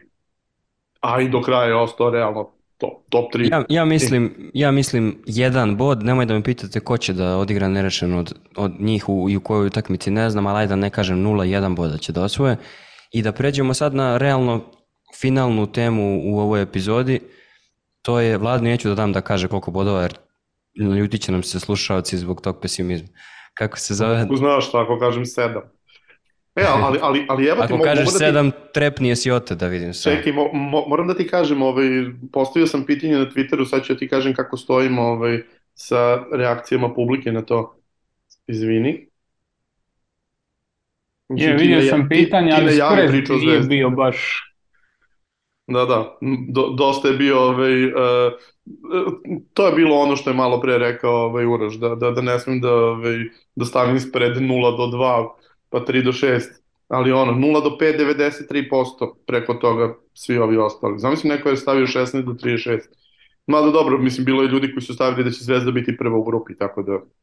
Dobro, mislim da je, da je vreme da pričamo o Zvezdi, ja ću da iskoristim priliku da ispričam jednu malu priču iz života, što kažu, mislim da je bilo, uh, da li je bila 2017. godina, Vlada će me ispraviti, Zvezda igra protiv Irtiša, nas dvojica smo u nekoj drugoj redakciji, u potpuno drugačijim ulogama, ja sam praktikant sa fakulteta, on je urednik i Zvezda igra sa Irtišem tamo u Jeniseju i nešto kiksne i Vlada tweetuje, volio bih da neko... Nap... Irtiš je ob, nije Jenisej.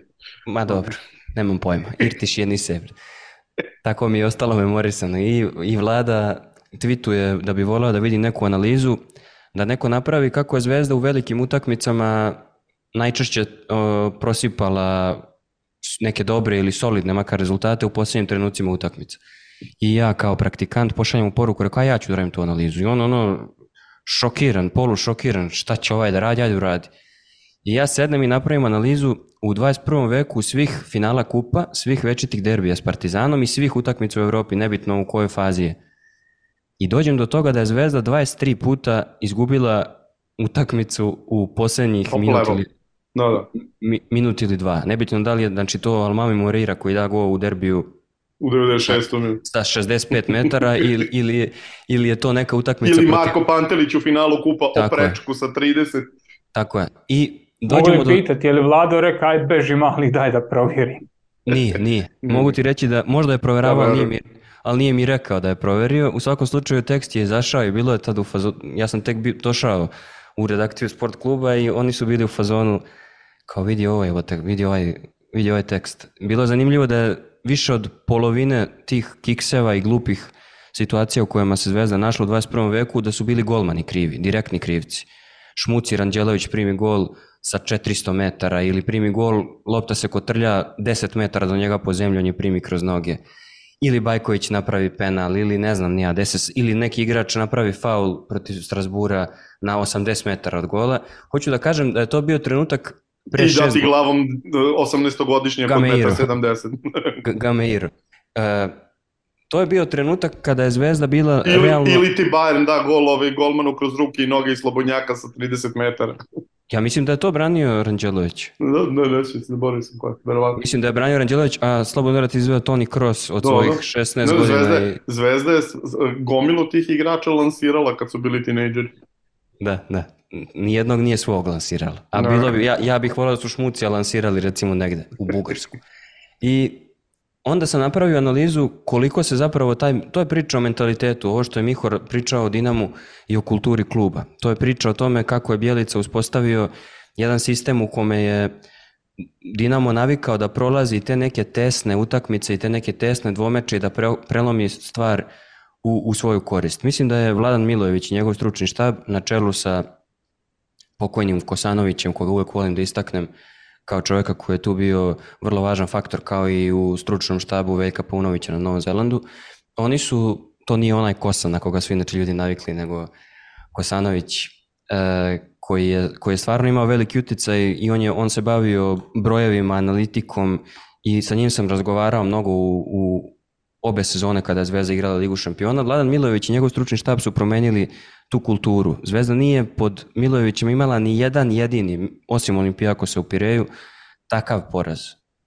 Ni u jednoj utakmici koja je to top level, da li bila, bio večiti derbi ili bio, bila utakmica u Europi, nije bilo nikakvih takvih poraza koji pokazuju slabost karaktera i ono što je Vlada napisao u okruglom stolu koji smo na velikim pričama objavili u petak o, o zvezdinoj grupi u Ligi šampiona, to je da 80 utakmica koliko je Zvezda odigrala u Europi, recimo u poslednjih ne znam koliko, koliko Od si Vlada? 17. do 6 da, godina. od 17. Da, da je to jedno neverovatno iskustvo koje pravi značajnu razliku i koje recimo Zrinski sa početka priče tek treba da stekne.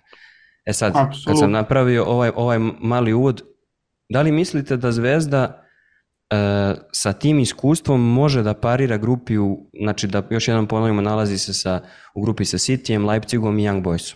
E, realno, ja sam negde radio analizu, City je najmoćnija ekipa iz prvog šešira, nije mogla dobije nije, mo, nije mogla dobiti, baš sam, ozbiljno sam analizirao to, baš mi je dugo trebalo da shvatim. City, City je najbolji moguć protivnik iz prvog šešira, protiv timova iz prvog Jeste. šešira moliš Boga da su to oni koji će da pobede i tebe i ovoga s kojim se takmičiš realno. Ne znam da ste videli reakciju zvezdinog kapitena na Zvezda TV, Dragović, koji kada je video da, da Zvezda vukla City kaže pijebem ti futbal. Tako da nis, ni- nisam siguran da je oduševljen baš. E, ali, ali pazi, me, meni je to uvek bilo fantastično u srpskom mentalitetu, jer uvek vole da dobiju uh, iz prvog šešira neku ekipu koja će te 90% pobediti, ali zato će i protivnika pobediti 80% i onda oni kiksnu, izgube bode, evo video si sada u pro, prošle godine u, u, u, u Ligi Evrope. Dakle, dobio si Monako, koji do duše nije bio iz prvog šešira, Zvezda je bila, ovaj, koji je odmah izgubio bodove protiv Ferenc Varoša i napravio haos od grupe. Jeste, a pritom pobedio Zvezdu na, na, Dobro, na, da, da. na Marakani Penala u- Da, da. iz penala u utakmici u kojoj je Zvezda Mm. bila duplo, Za kao, klasu otprilike bolje, da. kao Hajduk protiv Pauka, to je bio taj nivo E. i izgubili su. I ovaj, to su situacije, znači, a, Zvezda je stekla ogromno is- iskustvo. Zvezda je odigrala 80 utakmica za, za, za šest godina. Ja nemam objašnjenje šta se to dogodilo 2017. Znam da stalno ide priča politička strana, ovo ono. Nema te političke strane koje će tebe progurati pred, protiv Kelna. Zvezda je dobila utakmicu u Kelnu, gde je šutnula dva puta na gol, protivnik imao pet zicera. Dobila je utakmicu tamo. Zvezda je stalno prolazila, Zvezda je uzela u bod te godine Arsenalu u gostima. Mislim, nemoguće stvari su se događale. Um, ono kad si rekao da, da, da si pravio tu analizu, Zvezda od 2002. od Kijeva iz Verone uh, izgubila svaku utakmicu u kojoj nije bila bolje rangirani tim na žebu do 2017. 15 godina 100% učinak poraza, to je 0% prolaska, a onda je tada ostavila iza sebe četiri bolje rangirana tima u jednoj godini i promenila se klubska kultura u jednom trenutku. Teško mi je da objasnim jer čak mi ni, ni, ni, ni Milojević nije dovoljno dobro obrazloženje. Dakle, sve stvari kad uzmeš u obzir nisu dovoljno dobro A obrazloženje. ja mislim, iskreno mislim da stu- taj stručni štab jeste do, solidno obrazloženje za Pa, to. E, jedan deo je svakako. sedeo sam sa, sa Kosanovićem pokojnim tada i pričamo pred Tottenham, uh, pred utakmicu sa Tottenhamom u Beogradu u onoj drugoj sezoni i sećam se situacije u kojoj nije baš kao ovo što se dešavalo Jakiru kad je dolazio u Zrinski, ali realno i u tom trenutku ne kapiraju uopšte potrebe evropskog futbala i svega što ozbiljan klub treba da ima Ne, ne, o- i, O infrastrukturalno. mentalitetu futbolskog kluba Crvena zvezda govorimo o kancelarijama, to zaista možemo knjigu da pišemo. Sećam Ove- se kako su se mučili Kosanović i Milović da objasne šta je sve potrebno njima da bi uopšte oni mogli u kontinuitetu da rade to što treba. Tako da mislim da su oni bili poče, taj početak uspostavljanja tog nekog drugačijeg karaktera, a da su onda i rezultati i tako neke čudne stvari kao onaj Pavkov protiv Liverpoola. Ma ne, kao- pazi, ti imaš, i, imaš gomilu tih ono trenutaka gde Kanga daje dva gola sa, sa po 30 metara, potpuno ni iz čega, znači čovjek koji ono, koga kada vidim na terenu tresu mi se ruke, dati dva gola koje te uvedu u grupu, pa imaš Borjana koji, jeli, tvoj omiljeni ovaj, igrač futbolskog kluba Crvena zvezda, verovatno najomiljeniji u istoriji, koji ti odbrani 4-5 zicera kada je bitno, a prethodnih 15 godina su te golmani uvoj prodavali kao što si sam konstatovao. Dakle, sve te stvari su, su, su deo priče, ali sve, sve kad sabereš, nema racionalnog objašnjanja kako se to dogodilo. Ja sam za, za našeg drugara Losovijusa radio neku analizu negde 2020. Pošto je on me pitao, kao ajde napravi mi neko objašnjenje kako se ovo sve dogodilo sa Zvezdom, kako je tri godine uzastopno dobra u grupama, I napravio sam analizu gde na pet strana nema ni jednog racionalnog objašnjenja.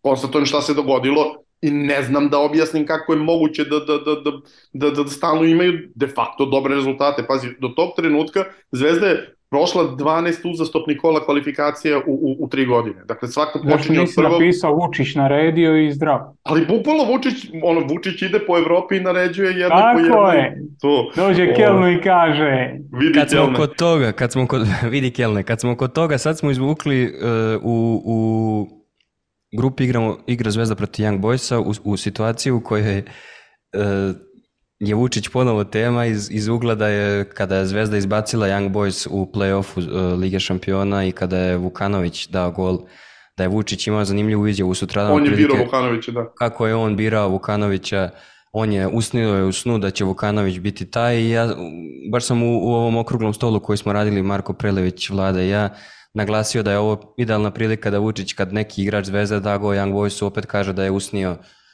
dubok sanak. Mijatović recimo. Ove, e, ove, ova grupa je vrlo interesantna za Zvezdu.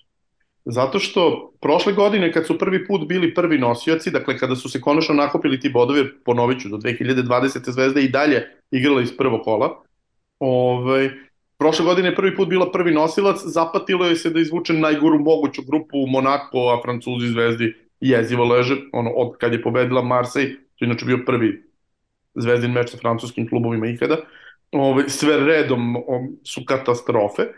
I onda ovaj, vučeš Ferenc Varoš koji eto dobije tu utakmicu na početku i okrene celu grupu i vučeš Trabzonspor koji dok ti juriš rezultate najgori moguć protivnik jer je Trabzonspor klasičan 100% kod kuće 0% u gostima a tebi treba da uzmeš neki bod na strane da bi, da bi imao šansu da, da, da odeš dalje.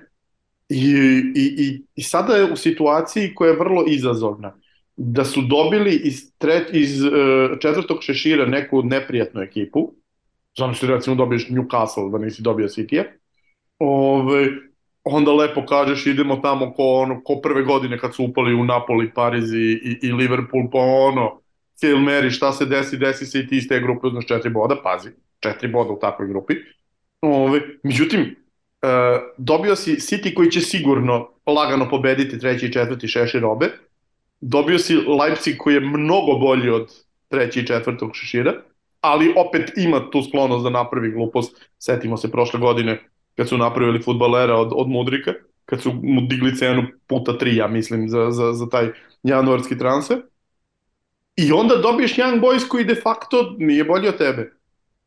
Dakle, klub koji ono ima trenera koji je došao prošle godine, radili su kompletnu rekonstrukciju kluba, radili su sve i svašta, oni jesu isto tako, imaju pet od šest titula u Švajcarskoj, ali to je tu negde gde ti sad više nemaš opciju da se povučeš. Ti sad ne smeš da, da, da uh, uh, dočekaš grupu i da kažeš ja pa šta uradimo, uradimo. Ne, brate, ti moraš sada da obećaš da ćeš biti treći i da ćeš igrati Evropu. Ne, ja sam napisao... Znači, protiv Olimpijakosa pre, pre pet godina u grupi, ti si znao da si mnogo slabiji od njih, pa šta uradiš, uradiš, pa je dobila, dobila ih je ovde, pa je tamo za malo uzela bod, pa kao sve super. Jer to, to je lagodan položaj. To je položaj u kome šta god da uradiš super je. Ovo nije lagodan položaj. Ovo je prvi pravi pritisak na FKCZ od, 1000, od 2017. godine. Prvi put da ona ulazi u grupu i da se nešto sa potpunom realnošću očekuje od nje. E, ja sam napisao u okruglom stolu da je sve ispod četiri boda neuspeh. I mislim da to, da je to činjenica. Sad, na šta me zanima? Da, da čujemo od, od, od Mihovila, uh, mi smo analizirali sad kako je Zvezda promenila karakter i kako je promenila tu timsku kulturu i kako sad ova, ovo sve što si rekao, očekivanja su se potpuno promenila. Mene zanima, ti si radio za Losa analizu, kako Miho ti vidiš ovo što se Zvezdi desilo i da li se ovo što Zvezdi, na primjer u Hrvatskoj i u hrvatskim medijima pričalo, osim kada Torcida peva Robiju da je Zvezdin četnik, da li se i da li se sada priča uopšte na, o tome kako uopšte iz te perspektive to izgleda, a više me naravno zanima tvoja nego hrvatska perspektiva. E, kako tebi izgleda Zvezda u ovom trenutku i da li misliš da je ovo što sam rekao, da je sve ispod četiri boda neuspeh? A iskreno i o Zvezdi i o Partizanu i u tim uspješnim godinama se relativno malo pričalo u hrvatskim medijima. Ja se čak ne sjećam ni vladinog teksta, a kamali da je bilo kakvih... On, on nije izašao uopšte, on je, on je poslat losu za njegove interne analize, dakle nikad ga nisam objavio. O, to bi objasnilo zašto ga nikad nisam pročitao, ali u suštini jako malo se toga priča o, o, o, o zvezdi kod nas. E, koji su razlozi za to? Pa generalno jako se intenzivirao HNL. I ne trebamo tražiti neprijatelje van, imamo svojih neprijatelja dovoljno. I onda sve sa strane nije toliko zanimljivo. A ono kako ja vidim zvezdu, ja se isto slažem da je sve ispod četiri uh, boda i ne, uh, ne igranje proljetnog dijela Europe, mislim da je, da je jedan veliki, baš veliki neuspjeh. Pogotovo u ovim okolnostima. Kad, kad imaš no. pritisak da moraš da osvajaš bodove i zbog sebe i zbog zemlje za, za koeficijent. Ma jebo zemlju, osvajaš ih radi sebe, znaš. Gle, Zvezda, ako će biti prvak, će uvijek ići u kvalifikaciji za ligu prvaka. To ono Dinamo. Kao Dinamo, jebe se Dinamo, Dinamo dok je prvak, ide u ligu prvaka. To što Hajduk ispadne od Zire, to je veći problem Hajduka nego, nego Dinamo. A, tako će biti sa Zvezdom. Dok Zvezda osvaja prvenstvo, igraće u, u putu nekom za ligu prvaka. Hoće to biti drugo pretkolo, treće, hoće to biti izravno ove godine, ali radi tog podizanja nekakvog vlastitog ugleda, radi tog podizanja statusa kojeg ima u zadnjih par godina, mislim da mora mora igrati e, Europsku ligu na proljeće, mora biti bolja od e, Young Boysa, ima igrače zato ti kad poglaš tu, tu zadnju liniju e, to su, ono što smo pričali, to su igrači u nekim godinama, to su igrači i Mijailović, i Degenek, i Dragović, to su igrači sa nekakvim renomeom, sa, sa igrači koji imaju i svoje i svoje mjesto i u nekakvoj strukturi plaća koje ti fino plaćaš da, da bi ti igrali taj nogomet. Tako da mislim da tu, da tu, da tu taj, taj rezultat ne smije doći u pitanje. Ne smije ti se dogoditi da ispadneš, da propadneš, da se krpaš. Mislim da, da, da, da Zvezda to sebi neće dozvoliti ja bih rekao da, da i promjena trenera i, i, cijela ta nekakva struktura koja se tu slaže, mislim da je to dovoljno spremno da Zvezda nastavi dalje. E, sad hoću da, da sa obojicom da popričamo, mislim, da popričamo konkretno o Young Boysu. Mislim, možemo sad da pričamo i da palamudimo do preko sutra o Manchester City-u, nisam siguran da za njih rešenje ima 19 klubova u Premier Ligi. City je ne, nešto bolje od ostalih, da. Da, ne, nešto bolje, bolje od ostalih u grupi i mislim da ne može da se dogodi, to sam i napisao na okruglom stolu, da ne može da se dogodi Liverpool. Ok, Liverpool je na Marakani te godine bio bolji, Zvezda je uspela u odnosu na tu prvu utakmicu koja je odigrana da mnogo pametnije trči, da čak u sprintu nadtrči Liverpool. Gledao sam te analize tada koje je stručni štab radio i mnogo stvari se poklopilo. Pavkov je dao ona dva neverovatna gola. Mislim da Guardiola, osim ako stavi Edersona da igra levo krilo, a, a što ne bi nas Misliš da će biti loš? Da, uh, Pa da, on u stvari kako igra nogom ne bi bio loš na levom krilu, ali pitanje ko bi onda branio, možda bi branio Joško, e, kao misliš da će biti loš. E, u svakom slučaju, osim tako nekog eksperimenta, ja mislim da Zvezda ne postoji, nema teorijske šanse da uzme bod Cityu i mislim da protiv Leipciga mora da se desi i to u Beogradu. Baš podbačaj ne, Nemačkog. što, što misliš u Beogradu? Može da se desi, mada pazi, Zvezda igra kriminalno na, na, na, strani uprkos dobrim rezultatima u Beogradu, ali Leipzig je klub koji se češće samo uništava kod kuće nego na strani. A, a, Znam, a to je ali- preduslov, oni moraju da se samo unište da bi nešto moglo. ali mislim da Zvezda ima nešto što recimo ni Dinamo koji je izgradio karakter nema u toj meri, a to je ta atmosfera koja je, to ima Partizan, to ima Hajduk, e, ta atmosfera koja se Misliš stvori publika? Publika i mislim da je Domaći domaći imaš i teren, neke navijače da bi to napravio, kako može Dinamo, mislim. lepo smo ovo rekli. Sam lepo to rekao, Miko. E, ho- hoću da kažem da kada 55.000 ljudi napuni stadion, mislim da ne, nije lako nikom, neće biti, nije bilo lako PSG-u, ako se sećate one prve sezone u Ligi šampiona, Gobeljić daje go Buffonu i oni, oni ne mogu narednih šest minuta da se sastave šta rade na, na terenu PSG koji da ne poredimo sa, sa Leipzigom, ali hoću da se sada fokusiramo na Young Boys. Šta mislite da su zvezdine šanse Zvezda protiv Young Boysa Da li mislite da će moći da nametne svoj stil igre? Bahar insistira na presingu, na tome da protiv koga god igra izađe visoko. Young Boys igra u rombu i oni, i oni vole visok presing. Kako vidite, gde vidite konkretno zvezdine šanse protiv švajcarskog predstavnika? Može Pa Mišo da, prvi. Aj Miko prvi. da, ti kad pogledaš Young Boys, to je isto jaka pressing ekipa. Nijase, njihov centralni vezni igrač je fantastičan u presjecanju lopti, odličan, e, odličan vezni igrač. Ta cijela prednja linija, generalno su svi jako dobri pressing igrači. A, gdje, gdje je nekakva prednost Zvezde? Mislim da Zvezda ipak ima stabilnost u zadnjoj liniji koju, koju Young Boysi nemaju. Kad pogledaš Young Boyse, a, recimo u utakmici protiv Makabija iz Haife, a, Tamara je plivao, Bože sačuvaj.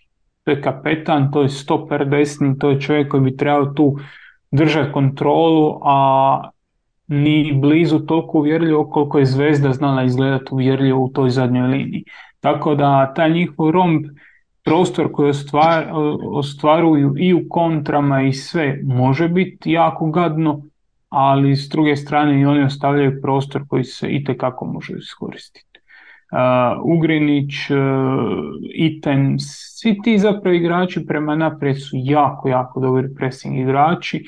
Više puta sam ove, ovu sezonu i pogledao uh, Young Boys i stvarno, stvarno ih je jako zanimljivo gledati. Ali zadnja linija ostavlja prostor i to je nešto, nešto o čemu itekako treba voditi računa. Naročito sa Bukarijem, Krasom i celom ekipom koju Zvezda ima napreda, koja je u stanju da, ko na- ono što je Vlada rekao, dovodiš futbalere koje bi zaista doveo sa nekom svrhom u neki klub. Oni I, zaista i mogu koji da... će sutra nekad nekom i prodati. Tako. Zvezda četiri godine igrala Evropu, a da, odnosno pet, da nije mogla apsolutno ni jednog igrača da proda nigde. Da, mislim da, da Zvezda u tom smislu, uz prostor koji Young Boys bude ostavljao, ima tu neku svoju šansu. Vlado, gde ti vidiš prostor, osim ovog što je Miho rekao, gde vidiš još neke slabosti možda Young Boysa koje nismo do sad podcrtali? A kontranapadi Zvezde mogu da budu, to, to je ključ cele priče. Dakle, Zvezda samo ne treba da e, dozvoli da, da, da prima lake golove protiv njih, pošto su oni tim koji jako lako dolazi do lopte u, u, u vrlo visokim zonama i vrlo lako dolazi do, do prilike. I, I ako to uspeš da eliminišeš, nateraćeš ih da te pritiskaju. Viki voli da mu štoperi stoje na centru, kada ostaviš toliko prostora protiv ovakve ekipe kako Zvezda sada ima, a koja je potpuno drugačija od onoga što je imala pre dve godine, mislim, 2022. Zvezda je još bila najsporiji klub, odnosno 21-22 najsporiji klub u, u svim Evrokupovima, mislim i, i merivo najsporiji, a ovaj, sa, sad je to potpuno drugačija priča i mislim da je to ono gde će se napraviti razlika ukoliko Zvezda bude pobedila. Ono što može biti problem to je, da, na, velika prednost Zvezde je što ono što je najveća opasnost od Young Boysa, to je to besomučno ubacivanje sa strane, e, taj stil igre Zvezde generalno odgovara istorijski, mislim o ovoj novoj istoriji govorim, e, kad god je dolazilo u takvu situaciju da se tako brani Zvezda voli da, da, da, da uh, zvezdini igrači vole da, da, da, da se sede i čekaju centar šuteve. Ove, prvo što, zato što su i fizički, a drugo i, i, i taktički dovoljno dobro obučeni za takve stvari. E sad imam, imam pitanje za obojicu koje je vezano za, za onih, pošto ja mislim da će Zvezda, pretpostavljam, prepustiti u tim utakmicama posed švajcarcima, odnosno švajcarskom timu, ma, malo je švajcarac. E, onako, onako, u stvari. Sad kako su napravili... Vrlo respektabilno, da, da. Sad, sad ih je zapravo i više nego što ih je bilo. Hoću da kažem da me zanima kako... Mislim, mislite... većinu su Balkanci. A, ali cijenim, cijenim se se tipični Balkanac. Odmah se broje krvna zrtica. Krvna, odmah, odmah. Tako, odmah, tako. Nis, niste vi pravi švajcarci. Mi švajcarcima volimo da brojimo krvna zrnca od svetskog prvenstva do svetskog prvenstva i onda kad utvrdimo koja su, onda se još više nerviramo. Hoću da kažem da me zanima da li mislite da je Zvezda u stanju da istrpi pritisak koji Young Boys vrši, da li je Zvezda u stanju da iznese loptu? Ja, to još uvek, to mi nemamo, nemamo priliku ni da vidimo ni u domaćem prvenstvu, ni bilo gde drugo, jer Zvezda apsolutno niko ne pritiska. Ne, mi ne, znamo... ne znam što misliš da, da će oni hteti da pritiskaju, oni protiv Makabija nisu imali ni, ni trećinu vremena loptu u posedu. To je, mislim da duše imali su rezultat koji im odgovara prilično rano, ali ovaj, generalno oni nisu tim koji voli mnogo da, oni vole da, da igraju pressing kad je lopta kod tebe, ali generalno da oni tu sad nešto lelujaju i drže kontrolu, ne baš toliko. Ne, to hoću da kažem, ako, kad Zvezda ima loptu, kako će je izneti? Oni vole da vrše pressing kad, kad Zvezda ima loptu, jel? Nisam siguran da Zvezda ima igrače koji su u stanju da da iznesu loptu, a, a da tu ne bude nekih velikih grešaka pod velikim pritiskom. Za, za to je ova grupa apsolutno idealna da, da, da se učiš jer to ono, mislim. Imaš da. Leipzig koji je ono monstruozan u tome, imaš City koji je monstruozan u tome, kao i u svemu ostalom imaš Young Boys koji od, od toga živi. Tako da, a, ako ja to da ne umeju da rade... jako bitan faktor u svemu biti uh, raspored. Kad protiv tako koga igraš. Tako je. Ja mislim da je to jedna od ključnih stvari. Jer ako Pep, htio sam reći, pošalje kol Palmera, ali njega je prodao. Ne može više. ako ga u šestom kolu pošalje, ne znam, ko je ostao od ovih. Riko. Riko Luis. Riko Luis i ostali. Uh, onda tu čak imaš neke šanse za nešto napraviti. Ako igraš u, u drugom i u petom ili četvrtom, kako ide već križaljka, e, onda više i nije toliko, toliko jednostavno. Tako Za Zvezdu da... idealno da, da, da u prvo kolo bude u Bernu Young Boy City. Jer tu će City ono da izađe sa teškim oružjem i, i, i da reši taj to pitanje. Mada da, mislim City, da, City mislim ume da, da, da, da ispusti bodove u petom i šestom kolu i kod kuće. To tako ne, mislim da jedino što Zvezdi baš ne ide na ruku je da gostuje City u prvom kolu. Ali to znači da u šestom kolu igra u, kako se zove, u Beogradu da, protiv. Rika Luisa. Znam, super, ali mislim da će ta prva utakmica onda u, u Manchesteru biti toliko bolna da će te boleti do, do decembra, do, do kraja godine, do šestog kola. Dobro, ali pazi, to, to je uglavnom srpski problem, zato što kad pričaš sa Srbima o futbalu, kad pričaš sa Srbima o srpskom futbalu, um, oni su doživljavali Zvezdu kao favorita, mislim, publika u Srbiji je generalno doživljavala Zvezdu kao, ajde, ne favorita, ali 50-50 sa Salzburgom. U situaciji gde, je Salzburg, čega samo, gde je Salzburg osam puta bolji od tebe. Da. Doživljavali su je kao favorit protiv Kopenhagena, da je Kopenhagen de facto duplo bolji od tebe. E, doživljavali su je, Ovo, pa mislim, kako da ti kažem. Tu, tu si bio meta, Mogu da bude meta do sutra, de facto je Kopenhagen i u tih 100, 210 minuta bio konstantno bolji tim i u Beogradu, većem delu utakmice u Beogradu i kompletnu utakmicu u Kopenhagenu. E, doživljavali su Zvezdu kao, ok, normalna je, znaš, kao prošle godine, zamisli Zvezda prvo kolo izgubila od Monaka kod kuće. Monako spucao 400 miliona na transfere u četiri godine. Znači, u kom u kom univerzumu ljudi vi živite. I onda, tako gledano, e, to je, to je ono što će biti najveći problem. I to je zapravo, mislim, to je moglo sad da se vidi posle ove utakmice sa Voždovcem. Ovi, kad je uh, Barak došao u Beograd na, na završne pregovore neposredno pre nego što će potpisati, zove me kolega iz Izraela da, da pričamo malo o tome. I moja prva reakcija bila je, ako imaš kontakt sa njim, zovi ga odmah da ne dođe. Jer on ne razume gde dolazi. Jer sve je super kad je Zvezda odradila pripreme gde je, gde je pobedila sve po redu, pa pet komada Fiorentini, pa krene sezona, pet jednima, pet drugima. Prvi poraz Zvezde, e, gori Srbija. Kako ono, izgubili su, šta ćete vi, ovaj, ne treba smeniti trenera. Bukvalno sam u fazonu, znači prvi izazov će biti problem. I s te strane, to e, e, normalna količina pritiska koji imaš zbog toga što de facto možeš da igraš sa Young Boysom, ergo moraš da, da, da, da probaš da ih, da ih e, pobediš. Naspram toga što bilo koja, bilo koje štucanje dotle pravi haos od atmosfere na, na uh, Rajku Mitiću i oko njega i generalno u, u, u, srpskom društvu. Sad to kažem, ako izgubiš prvu 9-0 od City-a, znaš... Slažem to... se skroz, ali, ali ti kažem, u normalnim okolnostima izgubiti 9-0 od City-a, to je okej, okay. o, idemo spavamo, sutra smo zaboravili da se igralo, jer ti potpuno... Znaš, ti, ti sećaš se grupe kad je Zvezda igrala sa, sa, sa Bayernom i Spursima. Znači, Zvezda je u Minhenu imala 1-0 u 80 i nekom minutu. Imala 2-3 zicera pre toga. Neposredno pre toga. Jest. A onda je izgubila ovde 6-0 I to je bilo ono najveća sramota u istinu. Znači, tu, Zvezda protiv Tottenhema... Zamisli to... Lewandowski ti dao četiri gola.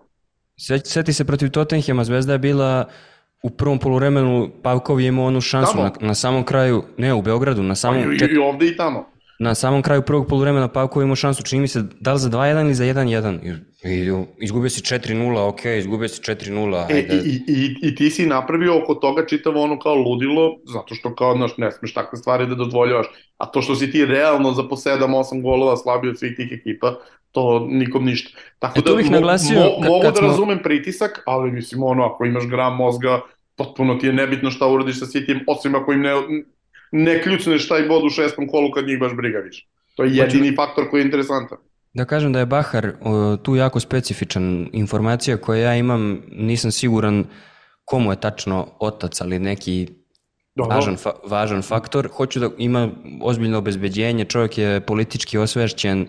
Otac mu je, mu je legenda ovaj, a, a, a, borbe protiv intifade otvoreno, Ove, on da, da. otvoreno, otvoreno priča o svim političkim temama. Ima drugačiji potpuno mindset od svega na što smo mi navikli e, i od stranih trenera koji su ovde dolazili od Zenge do Mateusa i svih ostalih i od i generalno u odnosu na ljude koji... srce futbalski je trener za razliku od većine tih koji su došli.